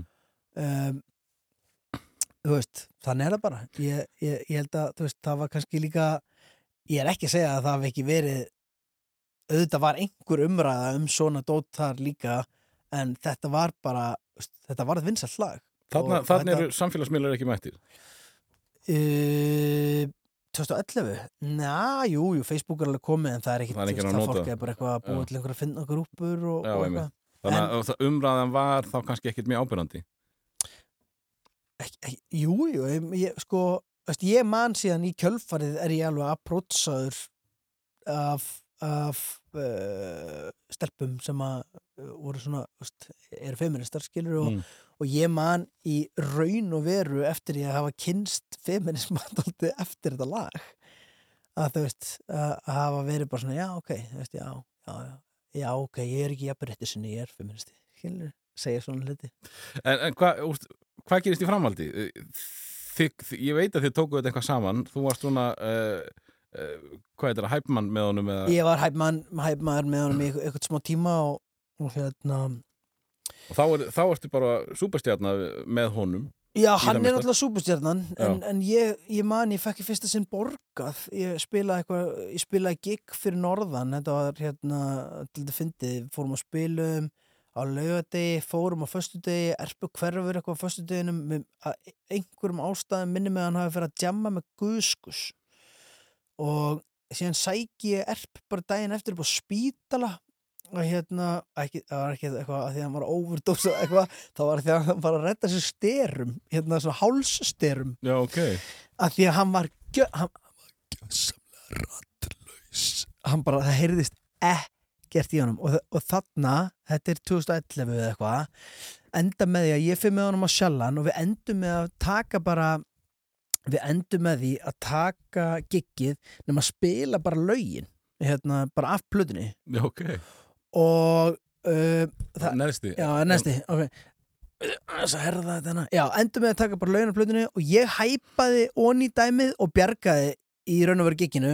Og eftir giggið þá hérna, kom Máni Pétursson sem var þá umbúsmáður erps til mín og hann rétti mér 70.000 og ég man að ég hugsaði I made it baby, það er aldrei að vinna aftur. I fucking made hann sagði, þú bjargaði ekki að selja þessi giggi maður. Síðan þegar, svona, þegar ég hugsa um þetta núna tíu ára setna, þá hugsa ég hm, það voru svona þúsund mannsana með einhverstað þrjú og nýju ég var bara, I made it baby. En þetta er, þetta, er, þetta er stór tímapunktur í, í þínu ferli það var borgaði fyrsta sinn Já, bara lægið og umtalið já, og, já, og það, var, nafnið það, það var það vissulega sko það var það, var það. Hérna, og verður þá MC til Já, þarna ég hef aðeins fyrir það og var byrjað að skrifa það, þú veist, af því það voru svo margir MC eitthvað, en Já. mig langaði að vera með sérstuð og, veist, og skrifa það þá E EMMSJ Já.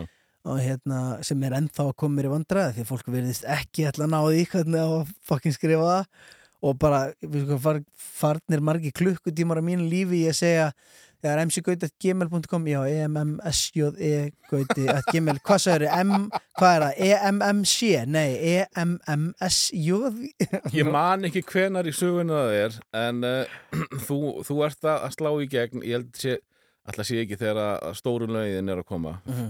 fyrsta lagi, ég man það ekki þá hérna var uh, okkar besti maður Össu Skarpíðursson að gefa það sjátt og skrifa það rétt Já, Þú var svo ánægð með það, varst einn af þeim fáið sem skrifaði nafnum mitt rétt. alveg rétt, veist að panni eftir þessu maður. Æst, það, það má líka fylgja inn í, ég held að það hef verið sko, hvað, já, þetta fyndir saga, Eh, eh, al, alveg úr samengi þessum talum. 2012 fæ ég skilabóð, uh, fæ ég skilabóð eitthvað svona sæll, uh, mjög seint að kvöldi til sko, hálf tólf eitthvað, sæll og blessaður, eitthvað, Hallgrímur Helgason vill endilega eiga við orð, eitthvað svona. Eitthvað sem ringir á undan. nei, sendir skilabóð Já, uh, gætið þú hitt okkur á, prik, svona, á prikinu morgun eitthvað klukkan 11 og ég eitthvað svona held að einhver var að trolla mig sko. og, og það endaði síðan með því að ég fór bara, ég átti sem er heima á efriðaðinni Þannig ég fór niður og þá mætir hann og, og endaði með að við gerum lag saman þannig að 2012 sem verður sko hittari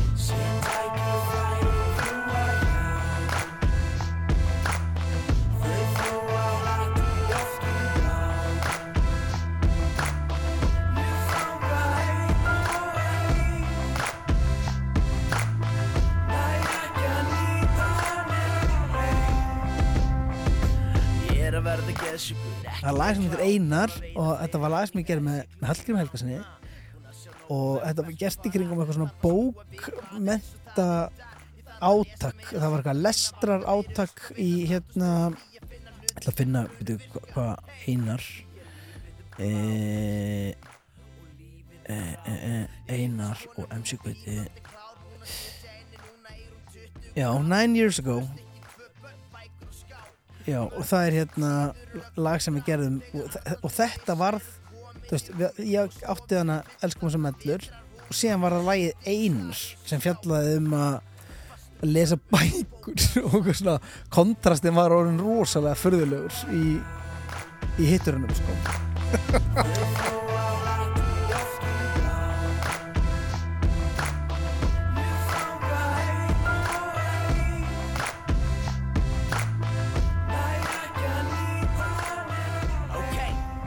hvað væri svona, myndir þú tengja helst við sem því úningalag? Oh my god, sem unlinga lægi mitt uh, Þú veist, það er bara eitthvað þú veist, System a Down eitthvað þannig að Toxicity eða eitthvað, hvað heit lægi þannig að Wake up. Wake Up heitir það Wake Up Nei, ég veit hvað það er alltaf. Eh, eh, eitthvað, svoleiðis dæmi sko Samt pínu hissa að hvort lagið er rap, rap. já, en þú veist úlingalega, ég ætla að byrja að hlusta á Eminem þegar ég er 11 ára, ég get ekki alveg nei, veistu hvað, ég veit nákvæmlega hvað er úlingalega mitt, það er lag sem heitir God Loves Ugly með hljómsveitina Atmosfér, sem er hljómsveitin sem hafi mest áhrif á mig textalega og bara held ég bara í gegnum, gegnum að alla rapsöguna hafi þetta lag og, og þessi plata mest áhrif á mig God Loves Ugly, atmosfér.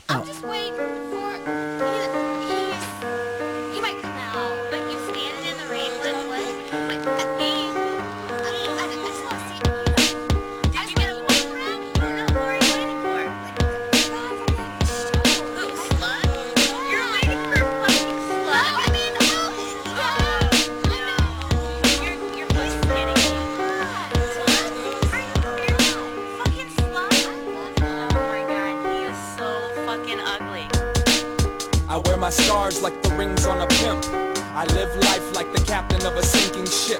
The one thing that I can guarantee, I'm like a stepping race. I suggest you stay fair with me. Been paying dues for a decade plus. Before that, I was just another face on the bus. Tapping my foot to the beat on the radio. Dreaming about the mic and the money and the ladies. Oh, mom, I promise I'm gonna be large. Someday I'ma stop trying to borrow your car. Gonna go far charisma and skill until they put my face on a million dollar bill.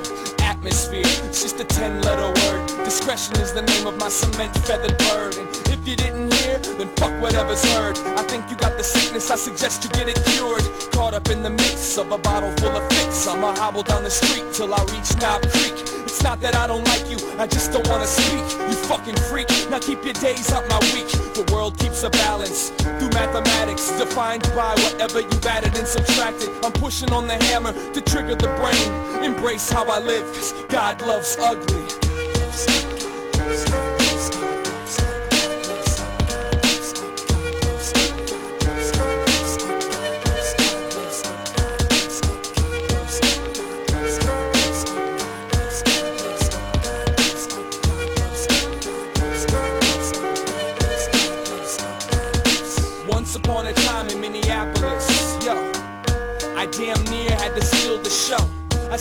Who is it? My name's Slug, I've come to kill a couple minutes. And what's up with the way that everybody gathers around each other so they can steal each other's sound? If it's all about getting down with the get down, how long I gotta wait for these fools to sit down?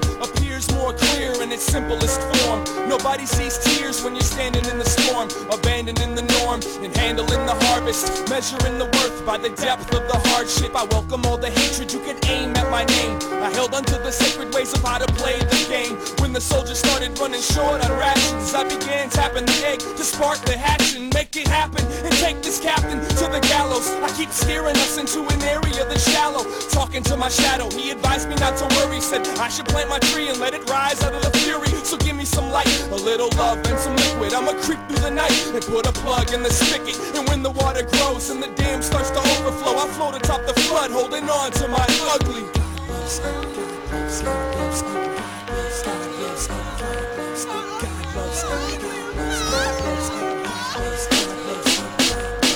Wide screen, when you can lose yourself inside the wide screen. Let life be a bowl of melted ice cream, or be the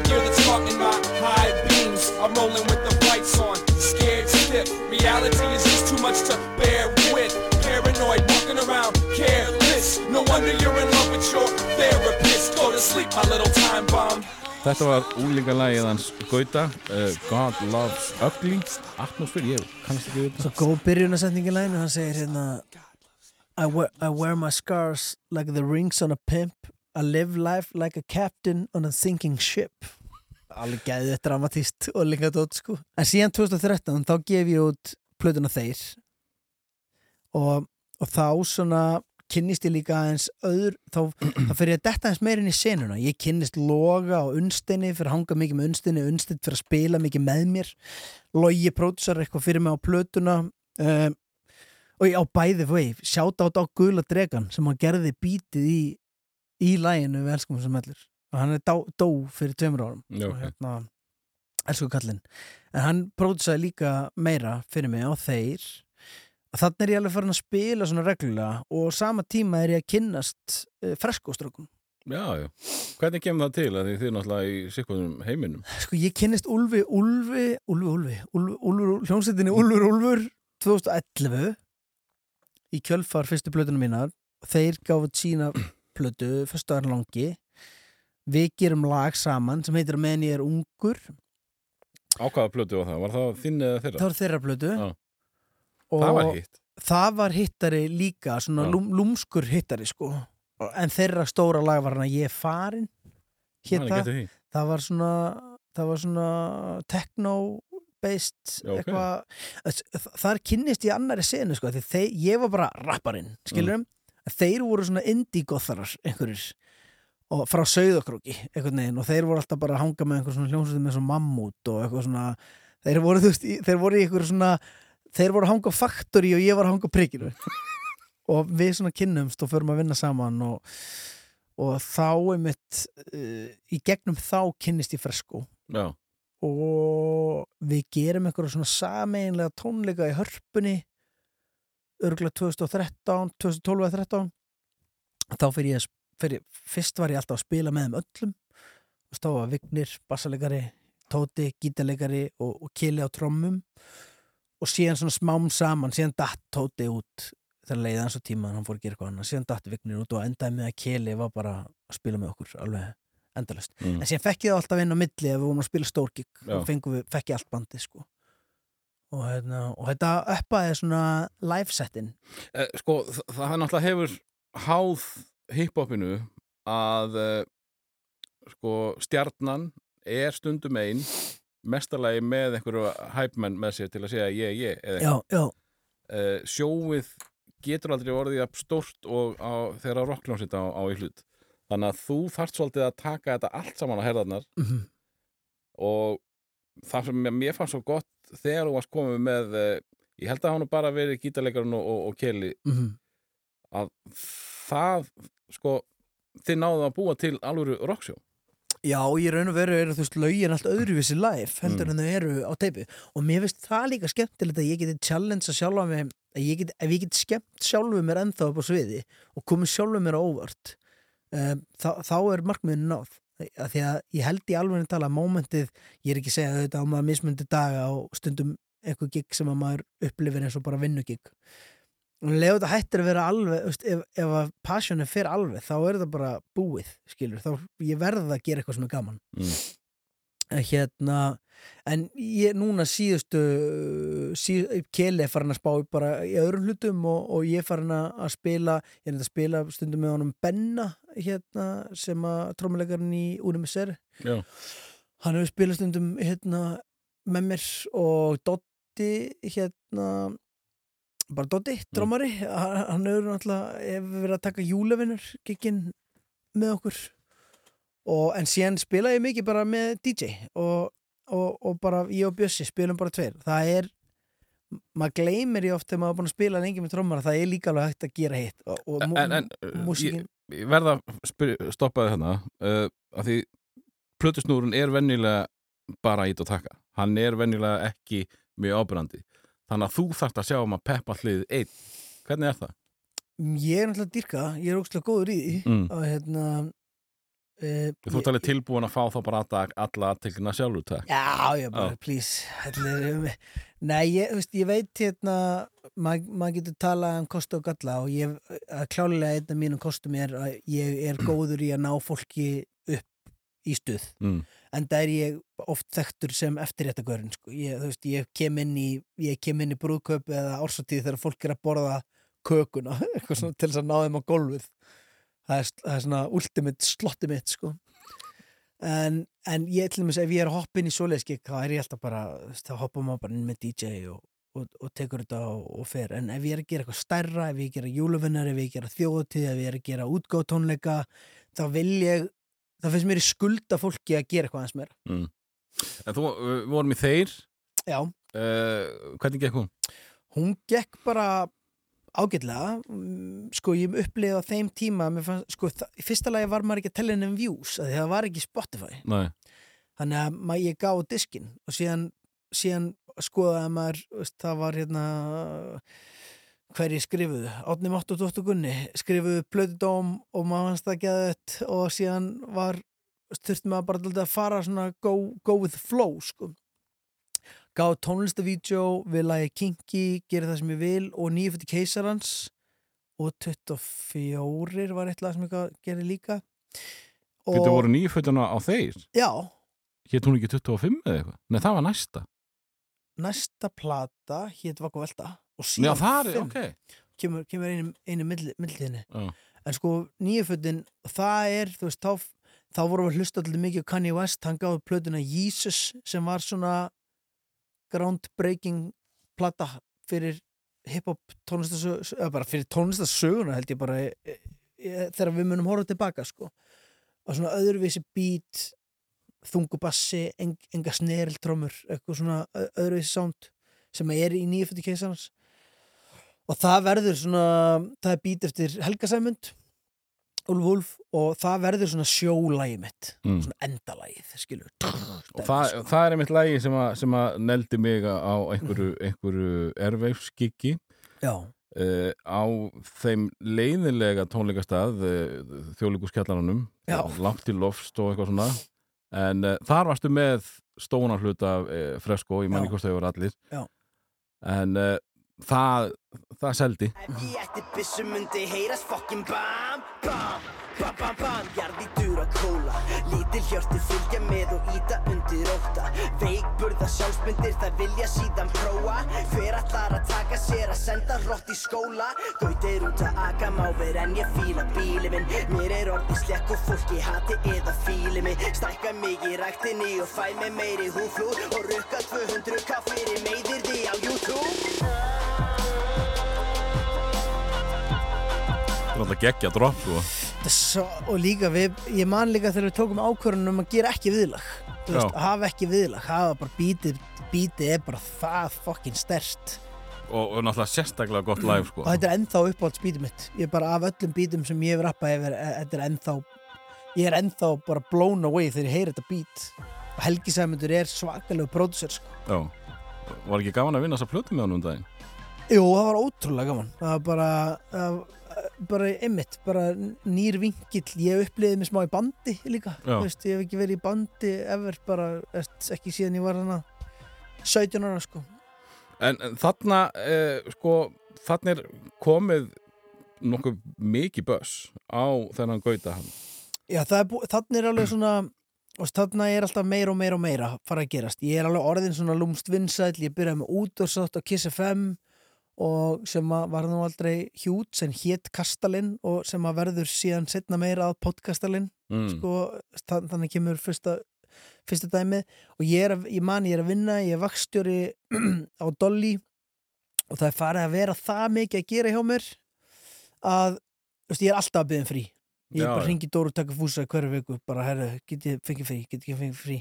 Þanga til að ég tók bara ákvörðun herru, nú, núna verði bara að reyna skilur núna er bara dög að drefast ég, Það er eftir, eftir þessa plötuð. Já, Já. þá ákveði bara, herri, ég ætla bara að prófa að ve- vera bara fullblón tónlistamæður og hætti í vinnunni og fyrir bara að spá alferði í að rappa, Mm. skilur, og, og gera tengda hluti mm, tengd, hluti tengda rappi sem þarna sem lag síðan með hérna með auðin lúðusinni sem er strákarnir Mm. hann ger bíti í, í strákunum og og Red Lights taka það síðan og, og pimpa aðeins upp og við gefum þetta strákarnir 2015 og það verður hittar inn Uh, í, í aðdrandungum að því, uh, hvað hérna, að þú talar um að gera rap tengda hluti, varstu þá að, að undirbúa einhverja sprengju, þú, þú ætlaðir að koma með eitthvað bang eða ég bara ég var að eða? bara að byrja að gera hana vakk og veltu. Mm.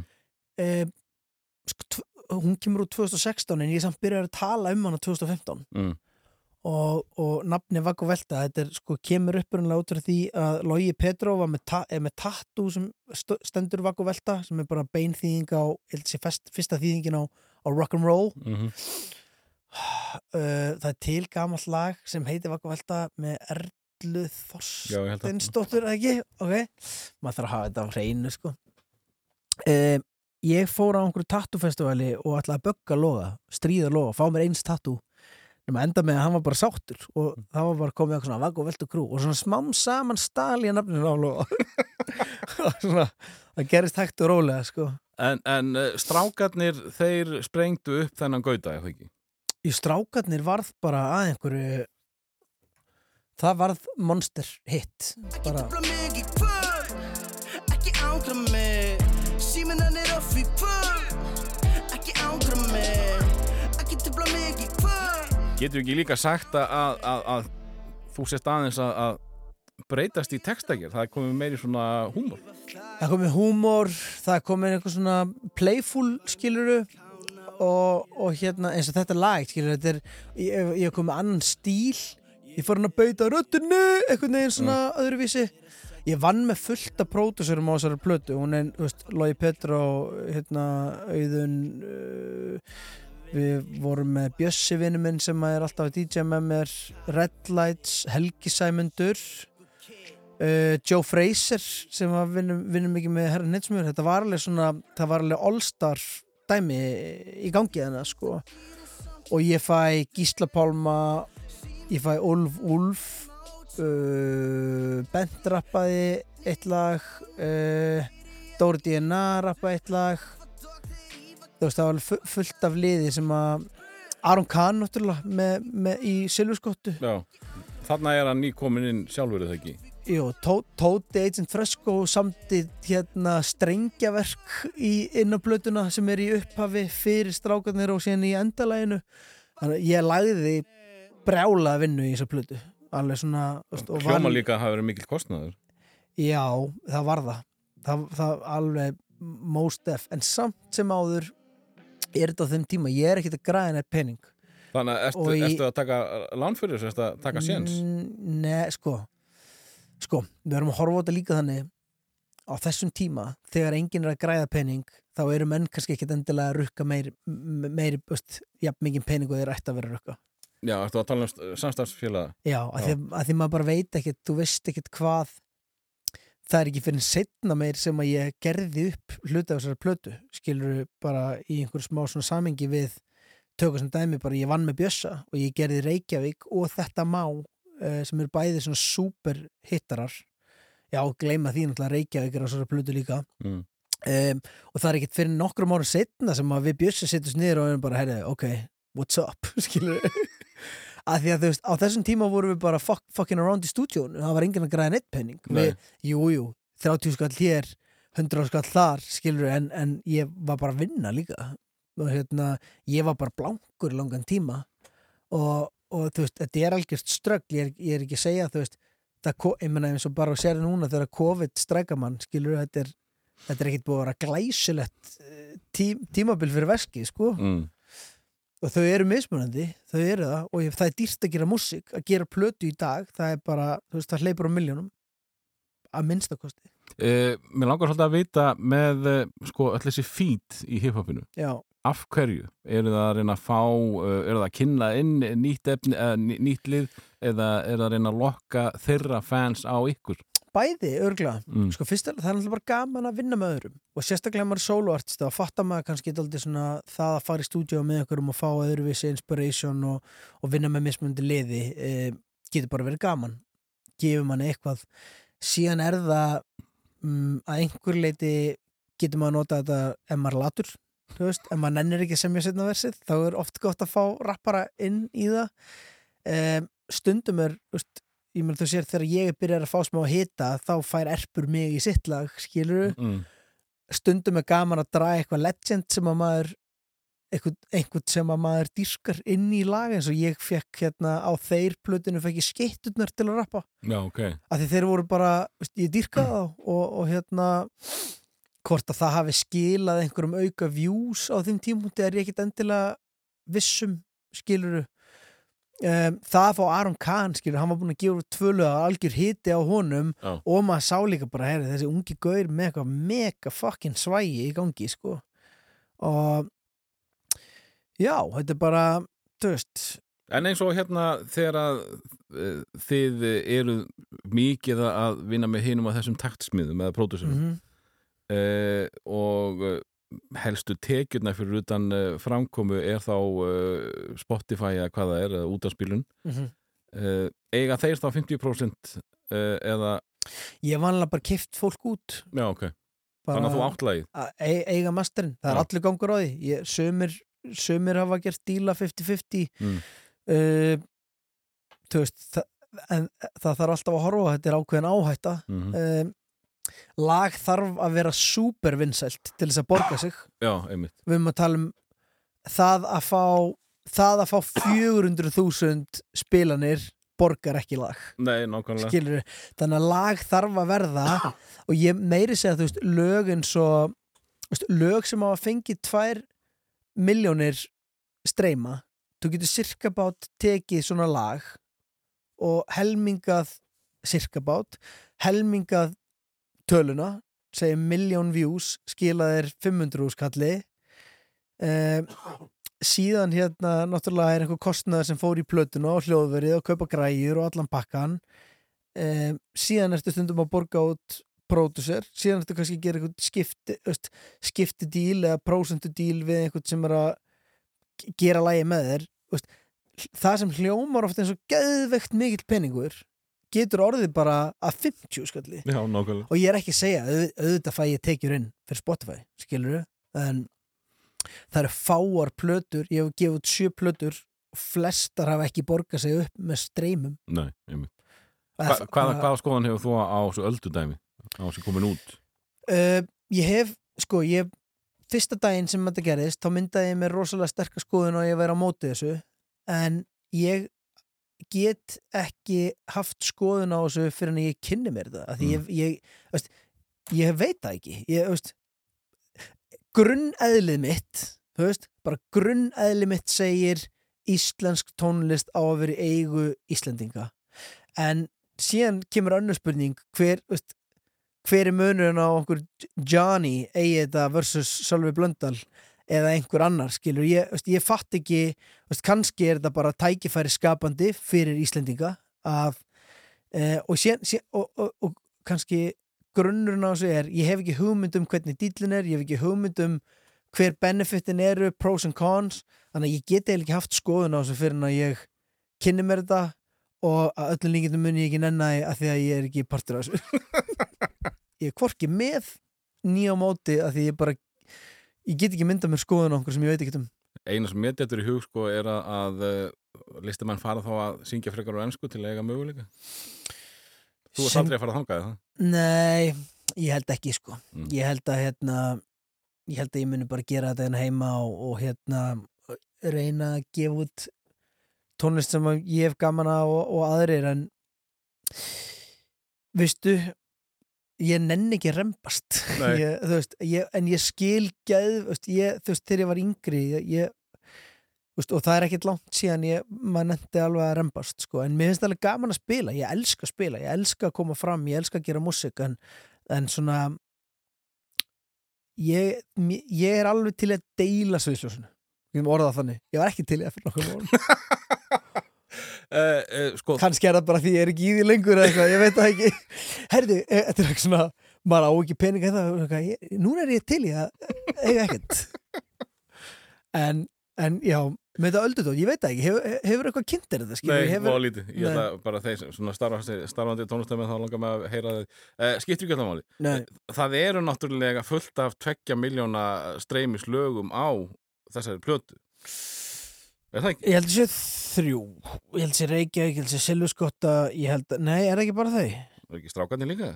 strákarnir er ekki svona, sko, að að því það má ekki gleyma heldur að ég var miklu meira vinsæll á YouTube á þessum tíma heldur en Spotify. Já, þannig að Reykjavík og strákarnir og allt þetta dóti eru með yfir miljón plays cirka, ég veit það ekki allavega í áttina því.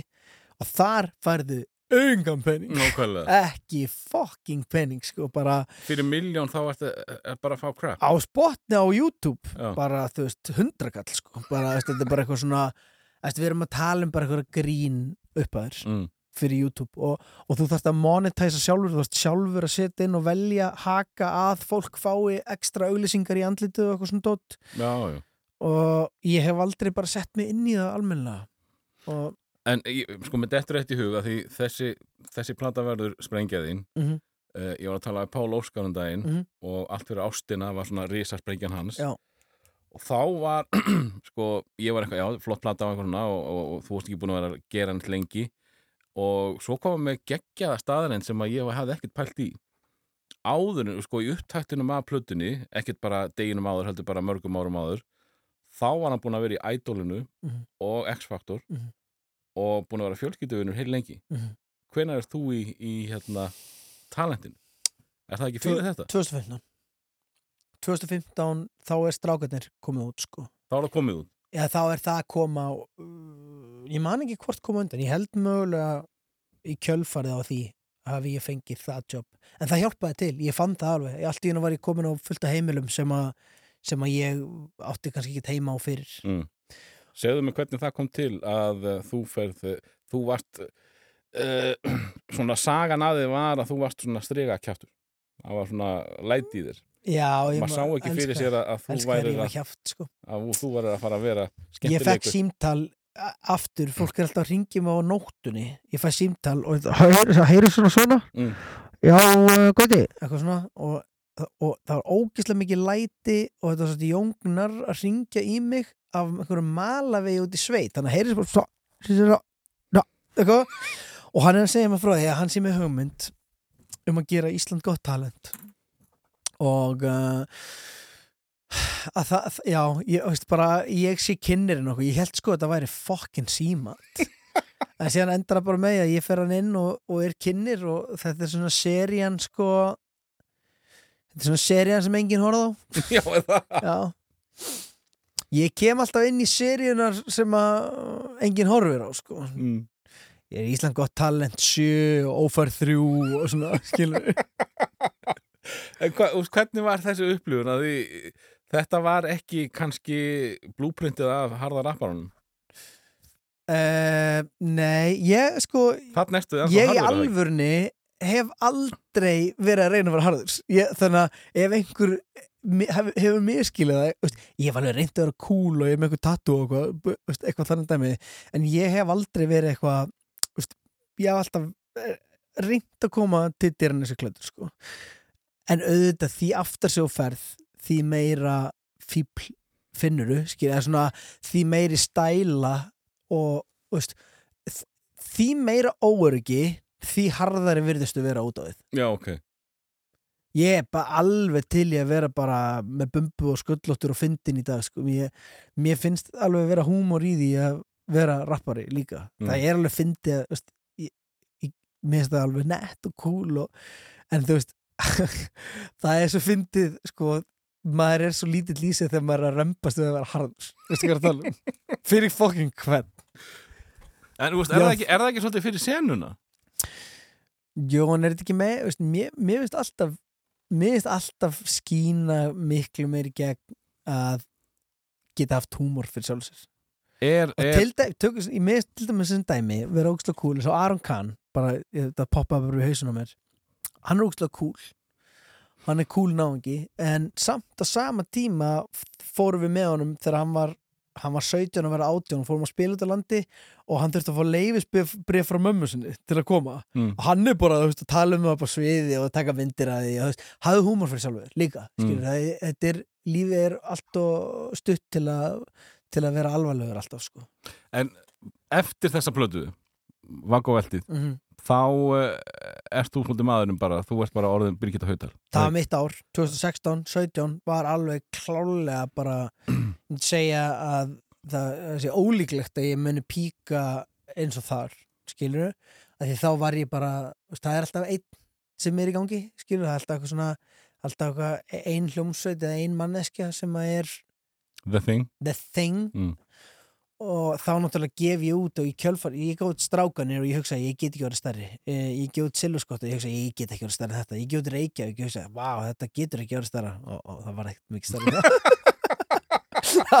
Endaði alltaf þar hérna uh, nei og síðan kemur sko síðan gef ég út uh, þetta má með netusmjör og annar lag sem var svona lúmstvinsalt sem heitir Svona er þetta og ég ætla bara að spila skilur að spila bara þrísvar á kvöldi 50. og 1. og lögadag alltaf, við erum alltaf í einhverjum flugvilum og fljúa eitthvað Já, ok. og spila end, veistu, innanlandsflug sko Mm. spila endalust allstaðar uh, og ógslag gaman skilur ég dýrka mest ógslag gaman að Er þetta ekki á mikið? Er þetta já ekki... þetta var á mikið Já.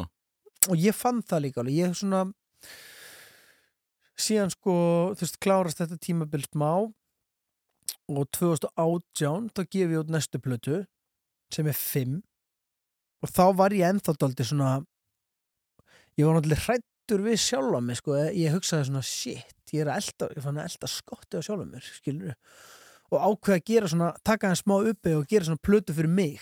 Mm. og, og gef hann út og ég var búinn að horfa á Ulf Ulf gef út sína brjálaslega vinsal plötu hann 2014 eða 15 og gefa síðan út aðra plötu 2016-17 sem var svona ekki jafn vinsæl. Mm og ég man eftir að úst, ég held síðan nú ekki að snitsa á mikið en það svona tó, tekur á að vera vinsæll og vera síðan ekki allt í hennu jafn vinsæll. Já. en samt við erum að tala um að eins og súplata á þeim sem heitir hefnu okkar er alveg vinsæl og hún er alveg með fullt af plays og lag eins og lag á þeirra plötu sem heitir Bróðir sem er með miljón views. En það er að því að þú ert orðin vanur í að fá allt í hennu tvö miljón plays Mm. eða vanur í að vera bókaðar svona ógislega mikið þegar að kemur svona smá downfall þá upplifur eins og allt sé að fara til fucking fjandans. Og ég upplifa smá með þessa plötu. Ég er svona ég gaf þessa plötu og það er alveg lög á hann sem er með hún er með fína spilun sko. En ég hugsa að þetta er búið. Nú er þetta búið. Skilur, maður er hann of góðu vanur of ekopeppaður og hérna en ég var samt ennþá að spila skilur og gera alls konar hluti og eitthvað þetta bara það er humbling að vera ekki það er humbling að gera dót sem er ekki vinsælt Eh, þú hérna, sko, ég var nú vitnaði þegar þú vannst, uh, var ekki krókurinn? Jú, hérna, Já. já, Og uh, það var svona menningavelun eitthvað og uh, þú varst hérna á Markusartorkinu mhm, og það var sem sagt sameigli velunaháttíð Rásar 1 og 2. mhm. Eiginlega bara fólk frá ráseitt þarna og uh, þannig fólk, rítöfundur og einhverju leis, Mhm. settlegt fólk. Já. og okkar maður kemur þarna niður og uh, öskra sig í gegnum Reykjavík. Reykjavík er okkar, já hún er og það var svo fyndið að fylgjast með þessu settlega fólki. Já, byrja að vakka sér. Mhm, og uh, skamma sín samt fyrir það sko því, já fullar fólk skamma sín áður en að drekkur. Já, nákvæmlega. Alltaf. Og svo var allir farnir að, sko það var engin komin upp eða hoppandi, Nei, nei. en það var engin að skamma sín líka fyrir að, að Nei, vera að fíla þennan brjálæðin hérna á, Við á gólun Við erum svo fyndin maður. Við, við, við fullorðna fólki Ég get sagt þetta núna. Við fullorðna fólki Við þórum ekki Við erum alltaf að spá í hvernig öðrum líður Eða nei, hvernig öðrum líður fyrir okkur Já. Við erum endalist að spá í hvernig við lítum út erum við asnalega, þess að fara að segja þetta hvernig á ég að vera bla bla bla veist, í staðin fyrir að reyfa sig bara á og síðan svo fyndi, síðan þú sér eitthvað reyfa sig asnalega okkur gigi það hugsa, ok, þessi er asnalegur en innst inni ertu bara að segja það að því þig langar að vera frjáls eins og þessi manneski sem er að reyfa sig asnalega í þægilegu buksunum sko. mm. uh, Þegar ég heyri þetta lag uh, hvað er gaurinn að gera sem að þú ert mjög oft með í þínu lagi? Og það er, nei, nei, nei, nei einhver svona baku. Hvað er það? Það? er bara fyndið. Er það þú eða? já, þetta er alltaf ég að öskra sko. Og hérna það er ógíslega fyndið að heyra lögin. Þú veist, live versionin, þá erum við búin að taka út lead versionið en við erum alltaf með hitt inni. Og þetta er bara eitthvað Sorry mig eitthvað svona, þetta er ógíslega skrítið dæmi eh, þetta kemur upprunnilega frá sko eh, Migos. Já, já, hljómsveitinni Migos. Það voru hérna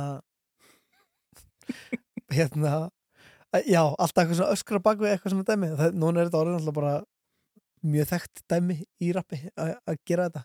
Uh, Þú gerði svolítið töff myndbönd já, og þá sérstaklega við þetta lag. Já, það sem að þú og, og, og Kelin voru í aðalhuturki já.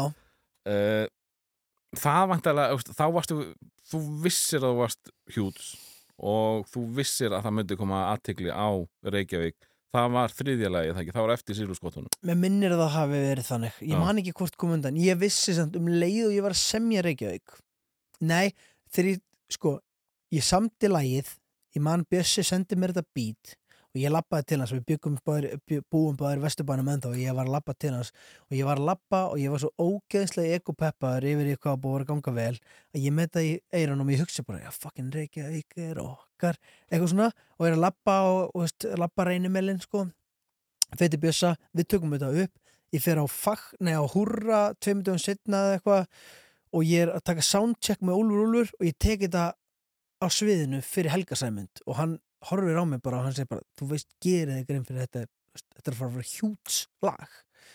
Og ég, fatt, ég vissi að þetta er geggjað live lag því heimskara viðlag sem þú gerir, því betra er það fyrir live gig, auðvitað maður fólk vill bara syngja eitthvað sem það kann. Mm -hmm. og hérna og ég, ég, ég, vissi það. Og við tókum upp þetta vídeo Freyr Átnason sem er, ég hef unni mikið með mörg vídeo gerir með mér júluvennir í dag er hinn ritt, eh, svona 100-200 og því. Við fórum bara með dróna út og fórum í mission, skilur að fara. Við hugsaum bara hvaða byggingar er fyndið að fara upp á? Hvaða byggingar getum við farið upp á? Og hérna og það er ein fyndin saga sko um, sko við fórum náttúrulega upp á bara hvað listasafnið bæðars bestu uh, sko við fórum upp á hérna bílastæða hús hér og þar hreyfilsbygginguna veistu, alltaf hringi einhverjar ég hef búin að hitta alla húsverði í Reykjavík sko. en finnast það var að við sagt, það var ein sena sem við gátum ekki notað það var alþingishúsið og Fóruðu þar upp á? Býtið, það kemur sko, Ok. við, við vorum búin að plana þetta í marga daga og við leiðum sendiferðabíl, tjekka þetta, við leiðum sendiferðabíl og vorum með stiga inn í sendiferðabílnum og vorum búin að reikna hvar væri auðveldast að komast upp og það var þú veist það sem fólk fór upp í mótmálunum, Mm. stiga bakvið og ná svona lítinn pall og síðan upp á þögg og við fórum uh, hinum megin við göttuna voru umbósmennur okkar með skrifstofu sem er núna þarna í kjarvalstofu veistu, veistu hvað er, hann að beinta móti þarna uppi. Það bókstala þar sem kjarvalstofa er, þar voru umbúrsmennur okkar. Og við vorum búin að leia þess að kameru og drónagur sem var tilbúin þar. Ég og Keli vorum tilbúinir á meðan það var dræver sem kerði upp og vorum að plana að keira upp á alþingisúsinu hlaup út úr bílnum, setja stigan, dundra upp herru, síðan mætum við bara á sjódei bara ok, let's fucking do this eitthvað bara ok, ok, ok, ok. Förum upp í bílinn, keirum sendum fyrir bílinn stoppum liðan alþingisúsinu tökum stigan upp, setjum hann upp á húsinu klifurum upp á fyrsta dótið tökum við stigan og þá bara heldur fokkin örgisverður í stigan og, og, við vorum, og við vorum svo fljótir og ég spurði, herðu, hvað hérna hvernig, hann bara komið niður strákar. Við eitthvað annars hvað, hann bara ekki neitt komið bara niður. Og ég sagði, hvernig fattar þetta, hann, hann sagði, gaurar það eru myndavelar út um allt og við erum múin að fylgjast með ykkur síðustu dag að fokkin gera þetta sko þá vorum við alltaf búin að mæta hana, Undirbúa taka þetta út skilur og hérna og þegar við mættum þá hljópgöðurinn bara beint út og bara held í stegan skilur og hann sagði, og ég, og hann sagði akkur báðu ekki bara leifi þau báðu þetta ekki leifi Gekki saga þannig að þetta var þetta var alltaf fyndið sko. En, en eh, sko, ég var einmitt að pælja að, að því ég var að tala um myndbandið Mhm. það virka mjög dýrt sko en ég veit ekkert hvað svona myndband kosta en, en þú hefur vantilega hugsað ég verð alltaf að gera eitthvað sérstætt fyrir þetta lag. Það verður eitthvað. Mér finnst gaman Mér finnst ótrúlega gaman að tengja Ég er enda búin að vera latari undarfarið að því að YouTube er ekki að skila jafn miklum áhorfum og að gerði. Nei, e, það er bara rosalega lítið síðustu. bara grín, Já. skilur þú, veist, þú, getur, þú tekur kannski lag sem er million views á Spotify og það er kannski með 30.000 spilanir hinum einn, bara Mm. spurningar með Páloskari og, og hérna Byrni er gott dæmi um veist, við erum að tala um super humongous hittara. Með mjög flottu vídeo. Já, bara ótrúlegt vídeo eftir Magnús Leifsson og vídeoið er með 155.000 það er alveg slatti en það er samt það er samt grín, grín eða, miðað við hvað það var. Já, en það er líka bara því að þú veist fólk nennir ekki að fa- fara með appa og ég nenni ekki að hlusta á músík á YouTube því að ég get ekki loka appinu að ég vil loka appinu og hættir tónlistin að spilast já, með galli Og hvað hérna en mér er gaman að svona vi, gera visuált eitthvað í kringum lög til þess að fólk muni eftir líka einhvern tímabilum sko. Hvað er best fyrir fólk núna að setja visual? Sko það er náttúrulega Á Instagram? komið ég trúi því að Spotify muni núna á næstunni að því núna er öll podcast komin inn Mm. Þeir fara í Eh, myndbráðum Já, hlýtur að vera að þú getur sett inn tónlistavídeó inn á að þú getur valið þá hvort þú sért að hlusta á vídeo eða horfa á veist, ef þeir gera það ekki þá eru þeir stúpid þeir eru komin núna með texta mm -hmm. inn, já, alltaf önnur fyndin sagði því þegar einu sinni var þannig að það voru bara stóru artistanir sem voru með hérna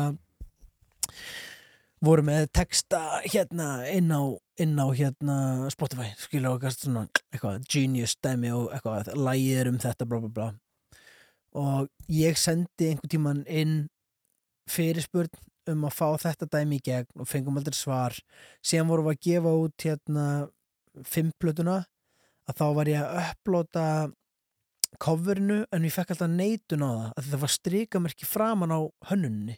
Og það má ekki að einhver ástæðu síðan var ég bara, herru sendi á Spotify, ég sagði en býtu hérna platan Blond eitthvað, the album Blond with Frank Ocean has a barcode on the front of it so you can't tell me that I can't do it because I, I have a similar art, artwork that is, uh, has a barcode in it.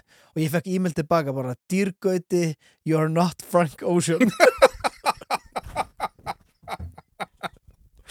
ég alveg, ok fair enough.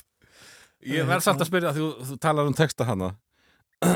Uh, Rapp er ofsalega mikill texti. Mm Hvernig manstu þetta sitt? ég man ekkit neitt. Ég man alltaf svona 15 lög í einu og síðan man ég ekki meira sko. Þannig að minna, ég man kannski 10 lög í einu og síðan þarf ég að revja upp ef ég ætla að- sérstaklega maður semja þrisa sinnum 16 vörs þetta er ekki ég öfunda oft poplistamenn sko, sem svona dægulega söngvara sem er að syngja kannski fjóra línur aftur og aftur. Vist, rap er ógeðslega mikill texti. Mm þetta er alveg svona þú þótt alltaf að segja einhverju sögu. Já, eða að reyna að vera fyndinn eða að Já. segja eitthvað veist, þess vegna, ég held að fólk fa, veist, ég held að mjög ósamalagi að rapp þurfa alltaf að vera eitthvað. Veist, ég, stund, stundum er bara stundum er þetta bara eitthvað væp bara stundum er þetta bara eins og að finna lykt eða, eða fara í eitthvað mút skilur bara finna að finna eitthvað tilfinningu. Mér, finnst algjörlega galin pæling þegar fólk er eitthvað að þessi mannski segir aldrei neitt í lögunum sínum. Ja, þetta er líka fucking þetta er rappari skilur, hann þarf ekki að segja neitt fyrir hann að vilja Ég get sagt þér það, Gauti að eh, bara heilt yfir hlusta ég mjög sjaldan á texta í Já. íslenska og enska ég heyri það alveg að þeir gera ólega lítið fyrir mig sama hér ég heyri flæði já, já, já. Veist, mér finnst þeir besta flæði í heiminum Cell 7 sko. Mhm, mhm. og ég veit ekkert hvað hann er að segja Mhm. skilur hvað ég meina Mhm. þannig að þegar ég hlusta rap þá er ég að leita eftir flæðin Já, og þú getur tekið sko þú getur tekið góðan rappara og tekið textan alveg í burtu og nota sneriltrómu til þess að berja taktin sem hann er að rappa Mm. og þá heyrir hvað þetta er mikill rithmi skilur hvað þetta er einmitt þess að þú segja flæðið, hvað það skiptir gríðarlega miklu máli og, og þú veist að, að fara úr einhverju ba, ba, ba, yfir í þú í melodíu og þú veist, þetta er, maður getur tekið þú veist, svona rappar eins og Kendrick Lamar mm. sem að er sko hann er next level. Já hann er líka sko, þú, hann tengir kannski rím úr fyrstu línu við áttundu línu en sem kemur það aftur líka í sextándu línu og þá tengir það bara á þessum þremur stöðum en á nákvæmlega sama hátt og struktúrum verður brjálaður og flottur skilur þetta er svona þarfst þú ekki að vera rosalega djúpur í hiphopi til að heyra þetta? Jú, og ég held líka að þetta, þetta er alveg svo ég hlusta á hásmusik og ég skil hann ekki mm. en ég respekt hana alla leið. Og þegar ég hlusta á hásmusik þá hugsa ég alltaf what, þetta er alltaf allt eins. What, það er aldrei nefn breyting, það er alltaf sama bassadröman, en þeir sem að spá mikið í hásmusik vita náttúrulega að það er bara bull og ég er bara að vera með fordóma, Mm. skilur og þannig að þegar fólk er eitthvað, "Ah, þetta hljómar allt eins þetta hljómar allt öðruvísi fyrir mér. Ég get aldrei útskipt fyrir pappa mínum af hverju Young Thug er góður, skilur um, svona lög sem að þú veist hljóma hræðilega fyrir fólki en er óksla góð af því að rapparinn er að nota einhverja tækni sem maður hefur ekki hyrst áður. Þannig að já, þetta er, jú, stundum þarf maður að vera djúft í einhverju til að spá einhverju en, en síðan náttúrulega er annað dót sem að bara nær manni skilur, nær öllum einhvern veginn frá upphafi. En þú, þú vildi gera sérst fimmuna meira fyrir þig mm -hmm. og uh, þú ert ennþá sætsteppa í bekknum þú ert ennþá áti já, já, já. og hérna uh, þú sponsaður svo mikið á þessum tíma eða ekki? Já, eiginlega ómikið þegar ég pæli í núna.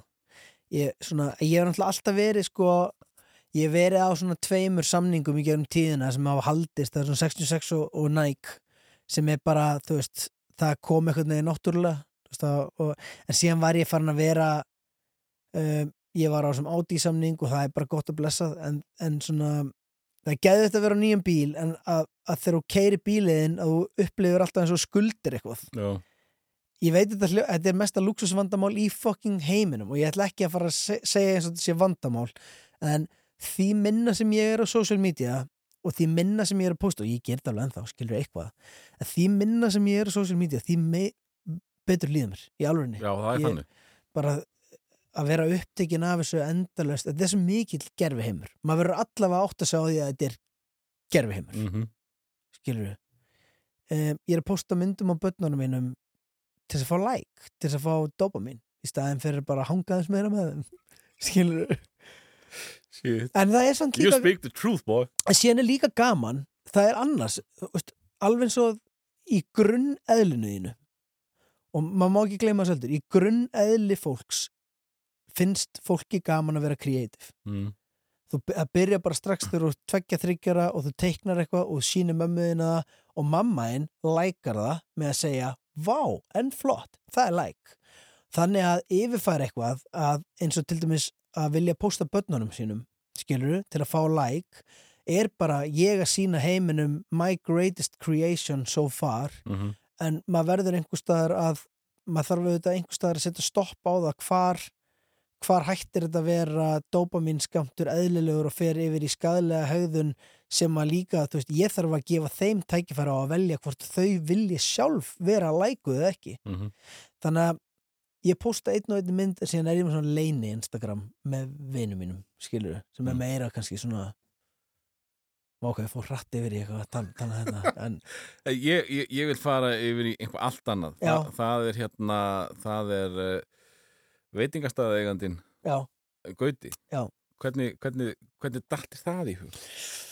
það er bara tækifæri sem að kemur um mitt líka gegnum músíkina sko að þá náttúrulega er ég búin að vera ég legg alltaf ekki eitthvað metnað í tónlistavídeó varning uh, þú veist, verið ábyrjandi á öðrum sviðum, verið með podcast verið með útastátt þú veist reynd að hafa bara gaman að þessu og ég held að, að það hafi bara smitast út í það að, að fólk sá eitthvað at, atvinnutækifæri eða, eða business tækifæri í því að fá mig til liðs við sig.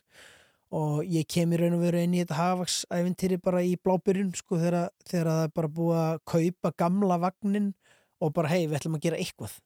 Og, og, og ég fer í raun og veru bara inn í þetta inn í þetta verkefni já frá grunni bara að þróa vörumerki og, og, búa til veitingastað sem að var frábært, en ég er búin að selja sko. ég Mm. seldi fyrir, fyrir einu hálfu árið eitthvað og hérna saði skilið við þetta bara svona uh, í, í byrjun í byrjun COVID Og hvað hérna vegna þess að þú ert ekki að fíla þetta? eða, eh, það bara bara, bara fólk bara fólk hérna hættir að vinna saman eins og hættir samböndum sko. Já, veist, bara stundum, stundum deilir fólk ekki skoðunum okkur hlutum og það er allt í lagi sko. Mhm. og hérna það er, það er allt í góðu sko. ég, ég bara, það, er ekkit það var ekkit flokknar en bara ég fór að gera eitthvað annað og, og fór, fór að spá einhver öðru Það var ákveðin breyting á 5 og uh, sko stæsti hittariðin upp á síðkastið er ekki strapp.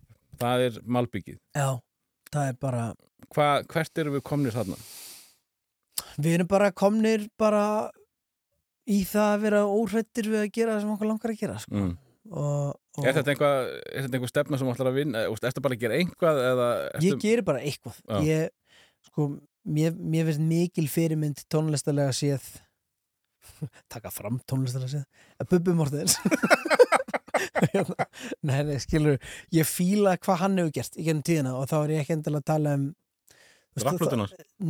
hún er geggjur endar, Mm. ég er dýrkana og það er be besta bubbalagi er á henni sem er hérna uh, Maður án tungumál? Nei, hérna Er þetta grínast? Suma konur? Er það þar? Er það ekki? Það er þarna ekki mjög rapplag. Það skiptir ekki máli. Vef, sko, ég, veit að, ég veit að við hefum ekki verið að skoða Spotify en við verðum að koma að staði sko. uh, Ok, byrju, hvað heit hún? Þrýr heimar Já. Já, þrýr heimar og? Þetta er alltaf smá sko, ef þú lustar á atmosfýr þá er þetta geðið atmosfýrlegt beat. Já, ok. sem er eitthvað svona munnharpa og, og rap beat í leiðinni. En það sem ég ætla að segja er að mér finnst cool að gera bara eitthvað. Mm. ég ætla að gera nún, svona núna. Og næst ætla ég að gera svona og næst ætla ég að gera svona.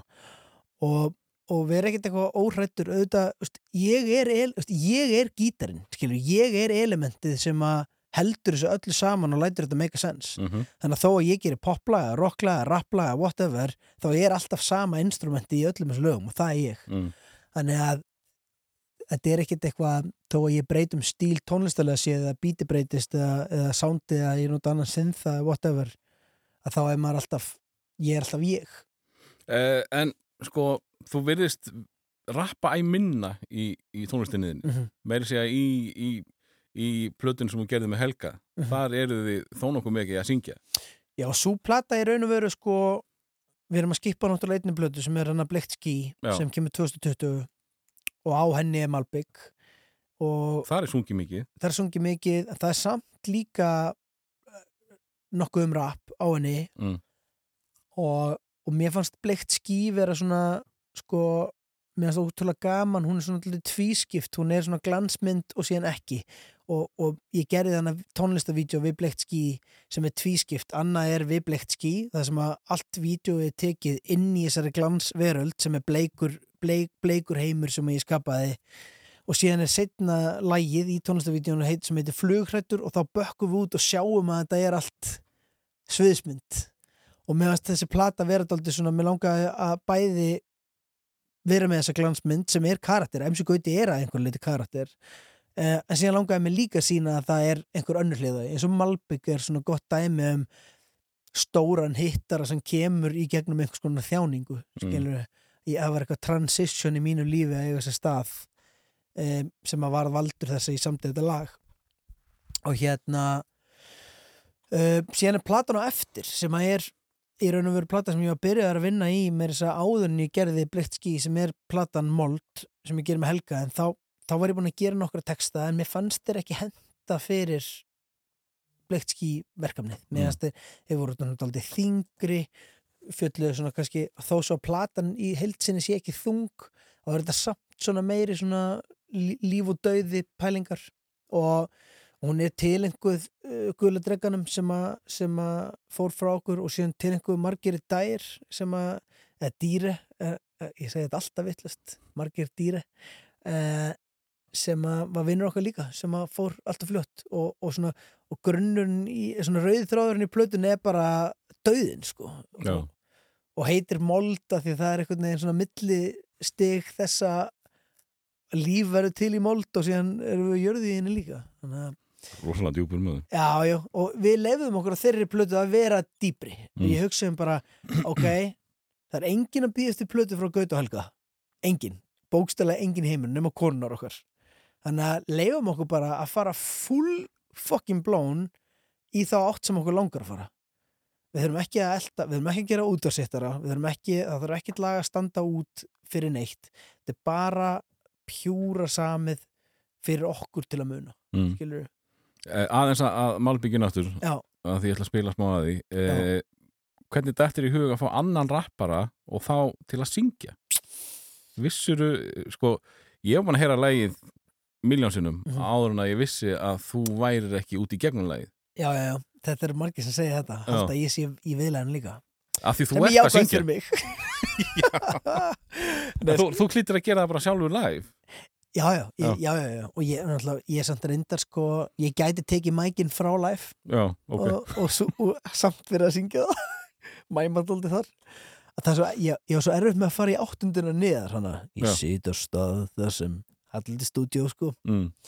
en ég get sagt það nákvæmlega hvernig það var ég var búin að semja ég samdi sko ég samdi fyrsta hlutan, fyrsta versið samdi ég e, í e, sumabústað e, hjá vini mínum. Og það er svo fyndið að því að sko það er svo fyndið þegar fólk er að pæla oft í textum. Þá ferða oft í miklu dýpri pælingar. Þetta er svo lægi silfurskotta heitir bara silfurskotta að því ég var að skýta og sá silfurskottu.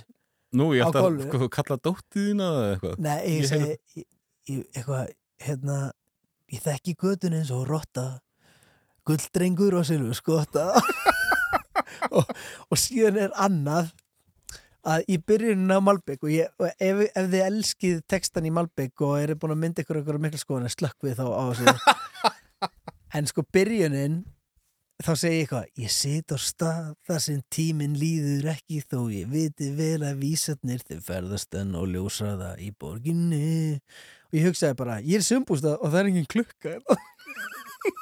Og, þau, og úr því verður eitthvað svona ég sit á stað eitthvað. En þá bara, ég hugsaði, það er engin klukka hér. En hérna ástæðan fyrir ég fekk królæn var ég að bú með bæði versin og ég var búin að skrifa niður hugmynda viðlæginu en ég bara fann það ekki. Ég bara fann ekki viðlægið Króli var frammi, ég var að taka þetta upp í Þormóði. Króli var frammi að hérna, spila Fortnite og bora pítsu með einhverjum vini sínum. Og ég sagði Królin er að koma aðeins inn? Og hann var vatta búin að kingja pítsunni þegar hann var búin að taka upp. Já, ok. Les, las bara texta minna af blaðinu og söng þetta viðla og síðan var hann eitthvað, tökum þetta og ég bara, nei, við tökum þetta ekki aftur. Þetta var geðvikt Við náður hann bara strax? Hann, bara, náði- hann gerði þetta bara svona. Hann samti viðlaði sjálfur. Að þú veist, uh, út frá því hann las bara ég hleyp og hleyp og hleyp sem er í raun og veru byrjun á versi 2 ég hleyp og hleyp og hleyp og hérna síðan hérna ég heyrði strax bara þetta er hittari það var svona eitt af þessum lögum sem maður hugsaði bara þetta, þetta það er eitthvað hana og, og ég bað Þormóð, Þormóð fór síðan heim um, pimpaði lagið upp gerði það að, að þessu super production sem það er núna. Og síðan bara var það bara strax herði, við þurfum að gefa þetta út. Bara hversu hratt getum við gefið þetta út? Svo það mikið sens. Og hérna og verður í raun og veru, ég myndi halda þetta sem stærsta lagið mitt auðvitað Reykjavík og eitthvað svona lög stór en, en þetta var miklu hraðar stórt. Og þetta opnaði líka nýjan heim fyrir mér að og svo ótrúlega margir sem hlusta ekkit á rap Mm. og ekkit á hiphop sem að fóru að hlusta á mig þarna líka. Ég veit að ég var heimskur, svo ótrúlega heimskur. Veit að ég var fíbl og veit að ég á allt skilið. En grasi græna hinum megin við mig? Hvað veit ég um fokkin gróður, ég er alinn upp á malbyggi Ég hleyp og hleyp og hleyp og hleyp og hleyp. Ég hleyp og hleyp og hleyp og hleyp og hleyp. Þetta er náttúrulega helviti gott sko. Hann er sva, sko líka króli. Vocal range hans er svakalegt sko og það er svo gaman, ég, með svo gaman sko transitionið okkar á milli er veist, að við deilum hana sama orðinu skilur við fyrir viðlag og, og ég segi ekki að við séum með sömu rödd en við erum samt kannski með þú veist, við erum báðir svona pizzaðir gaurar sko mm. og þess vegna blandast þetta svona vel saman í viðlæðinu en, en, þykir rosalega vænt um þetta lag Ég er alveg svona Já Á, á, á svona stóran stað í hjertanum mínu sko.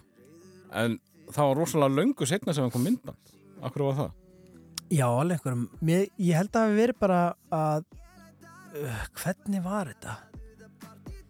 Hvernig var þetta? Hvort að við bara að það, Sko, við gefum út lagið og það verður bara super hittari Síðan gerist ekki neitt Ætla alltaf að gera vídeo, gera það ekki Síðan fannst mér bara algjör synd að gera ekki vídeo við þetta Og síðan held ég að það væri á seint Þannig við fórum bara eitthvað að hendum í raun og veru bara í eitthvað Ví- Vídeó er bara smá eitthvað Mm.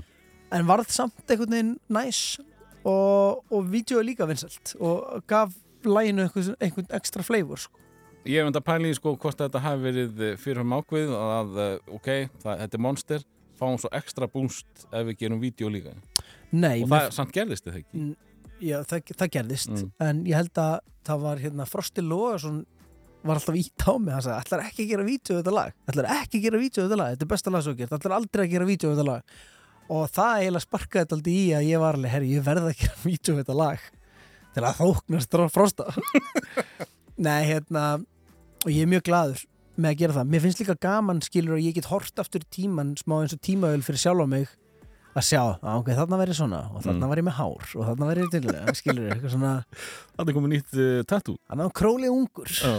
eh, En við hættum þessu þá verðum við að staldra við eh, eitt af þínum successum það er eh, jólagauti já, eh, Mér fannst það skrítin ákvörðun þegar einhver rappari ætlaði að fara að búa til einhvers konar jólaskemtun Já.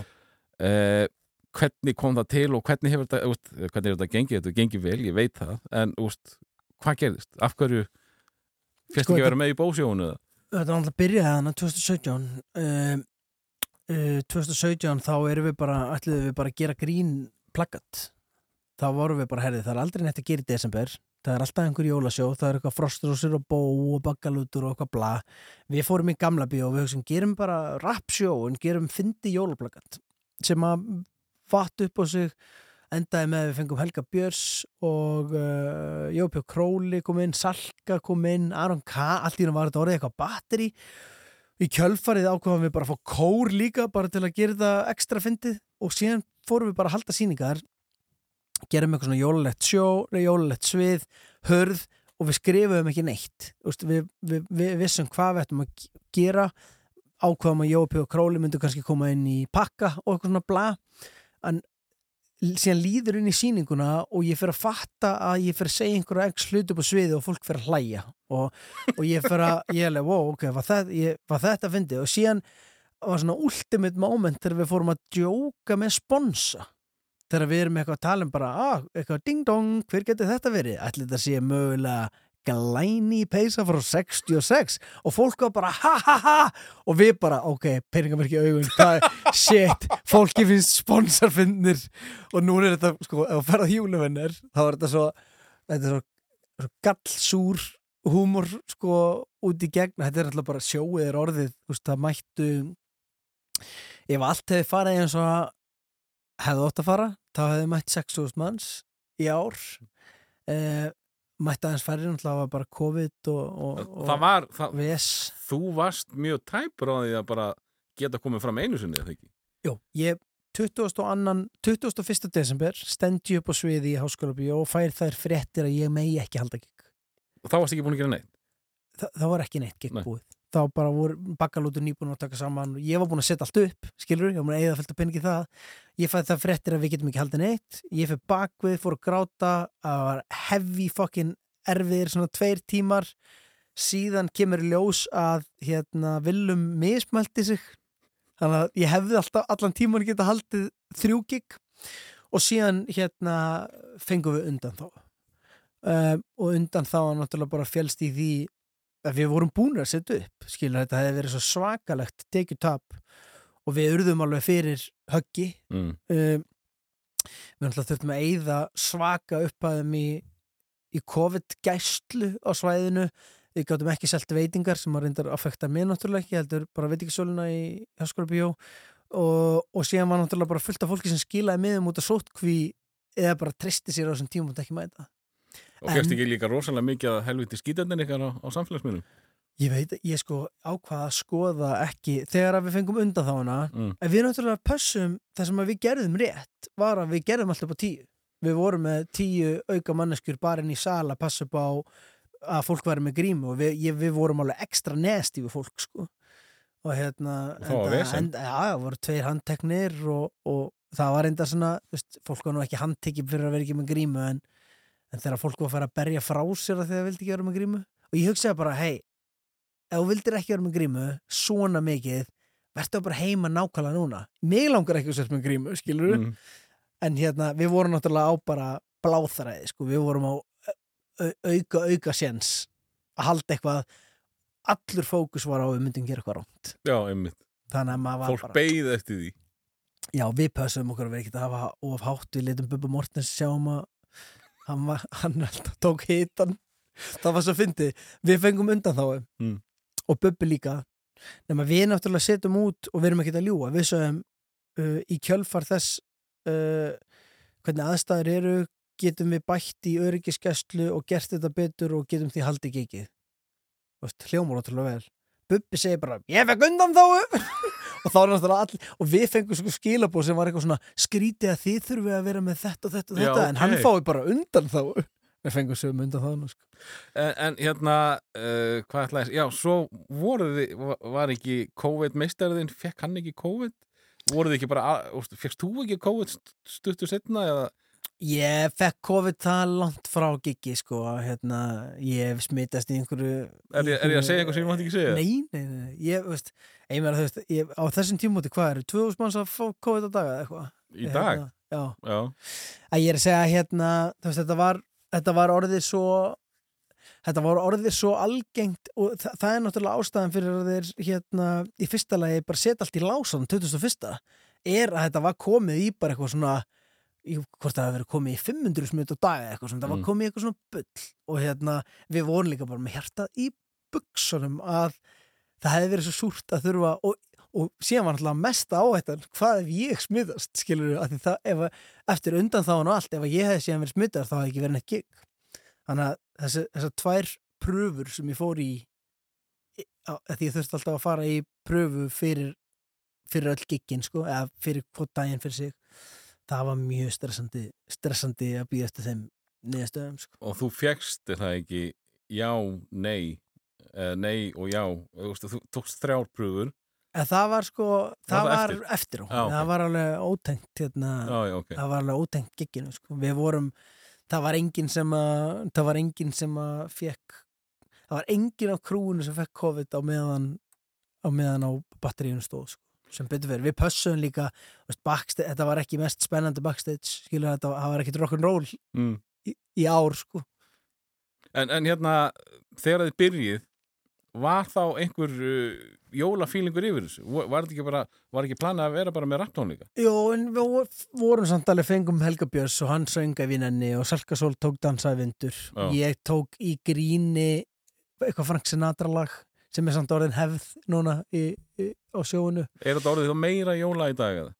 Já, miklu meira. En þetta er samt alveg svona gig fyrir, af því ég þól ekki jóla Mm. tónleika nema að sé eitthvað gaman eins og ég hef gaman að, ég hef búin að fara að bakka lót tvisvar, Mm. minnst það skemmtilegt að ég nenn ekki, og að finna þér, ég segi ég nenn ekki að fara á tónleika, ég hef aldrei farið á jólatónleika ég veit bara með það leðilegt að þetta er svona meira gert Fyrir Fyrir þá sem að hafa ekki gaman að Nei, og bara fyrir alla Já. ég, veist, er, veist, það er eitthvað smá jóla en, en Þetta er mikið grín samt, eða ekki? mjög mikið grín Já. þetta er alveg svona, ég myndi segja þetta væri 60% tónleikar, 40% djók Já, ok. bara, og við reynum alltaf að þú veist, það- er props, það eru, það eru, það eru brellur, það eru leikarar veist, það er alveg svona við leggjum alltaf alveg mikið metnaði að gera þetta ég hugsa bara, ef að fólk er að fara að eyða 8 og 9 í einhvern miða, þá skal þetta vera gott skilur, þá verður þetta að vera skemmtilegt Þannig að þetta batteri er bara að stækka Já, í, það hefur allavega gert það mitt ára mm. og, og mann alltaf, alltaf gátum ekki haldið að 2020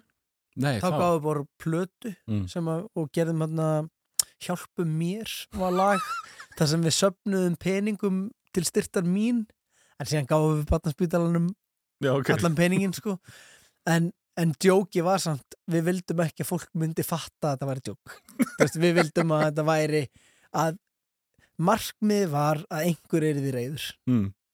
og síðan náttúrulega föttu flestir sem að eru með eitthvað smá vitt að, að það væri ekkert bakvið að skilur þetta væri bara hundra premissi í, í, í, í vídjónum var sko að ég væri að missa átíðin og, og, og fallega við það er að veist, ég á gott samstarf til dæmis við heklu, þau gáðu okkur pening til þess að gefa barnaspítalunum og Mm. Þetta var bara, þú veist, þetta var bara skemmtilegt. Gera eitthvað, halda, halda brandinu pínu heitu og eitthvað bla. Og kannski líka svolítið að uh, sína hvers konar grín er í þessum hóp.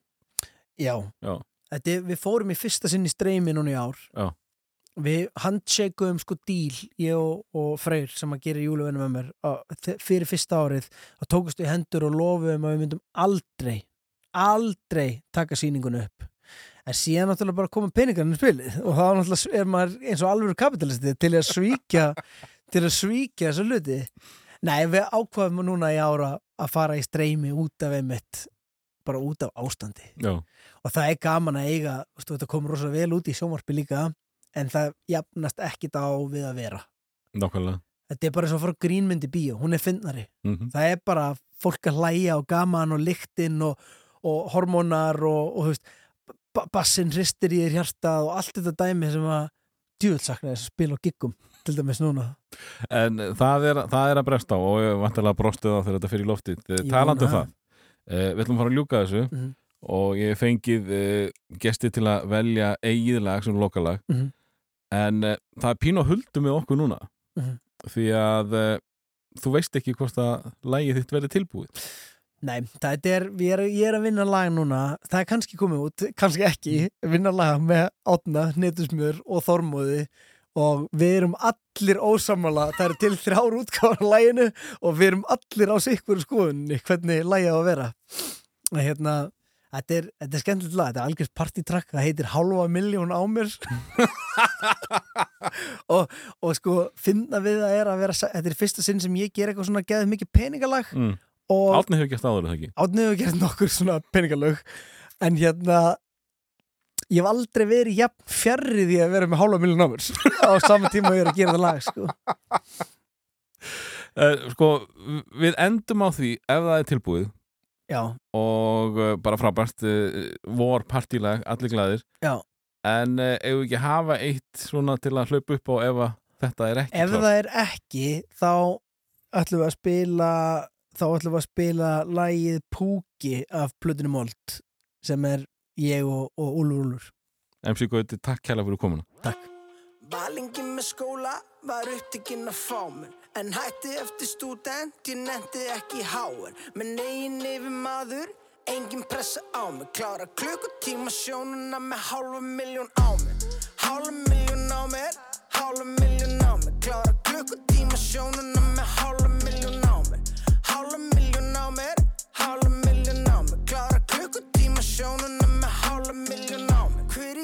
ég er valla viss. Þessi pappi rappar rapp og selur cannabis. En áður en þú tekur þessi börna mér Að skattu lesa smá letri, googla CPD Tíu ár síðan bara ég Svo ég gaf mig sjálfum úr og þakkan karadeg Ég gætt að fronta bænda blæði því ég smala fér Rósa best og ekki tara cash í SMS besti. Þessi kærir á hundra, ert að bílinn geti svo hundar Ert að miljón, ertu að stunda, mundu bara gera þetta undan þér. Einni þið eru hundra, gauðir að selja sig fyrir umtal Sef að þessu fælu smá blund, margt úr það reymbast ég bara dunda mér. Fyrir takk, var að hitta endur skóndan og virðist þegar meira en ég man. Mafaka, mér aldrei hætta þessu bulli, þetta er að fokkir einu sem ég kann. Mafaka, ég er svo mammúti, ég er svo frosin Svo heitir ég stertaði gósi, búin að vera ég lengur um mósi Valingi með skóla var upptikinn að fá mér En hætti eftir stúdent, ég nefndi ekki háen Með negin yfir maður, engin pressa á mig. Klára klukkutíma sjónuna með hálfa miljón á mig. Hálfa miljón á mér, Klára klukkutíma sjónuna með hálfa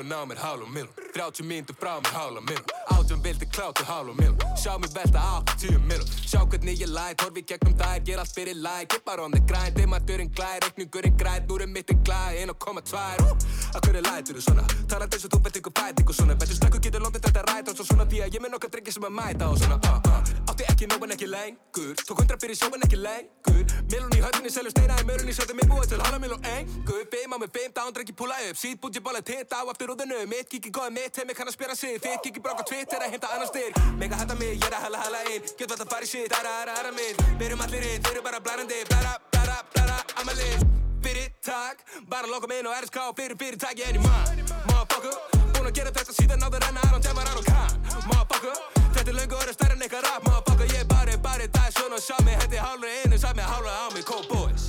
Valingi með skóla var upptikinn að fá mér En hætti eftir stúdent, ég nefndi ekki háen Með negin yfir maður, engin pressa á mig. Klára klukkutíma sjónuna með hálfa miljón á mig Hálfa miljón á mér, hálfa miljón á mig Klára klukkutíma sjónuna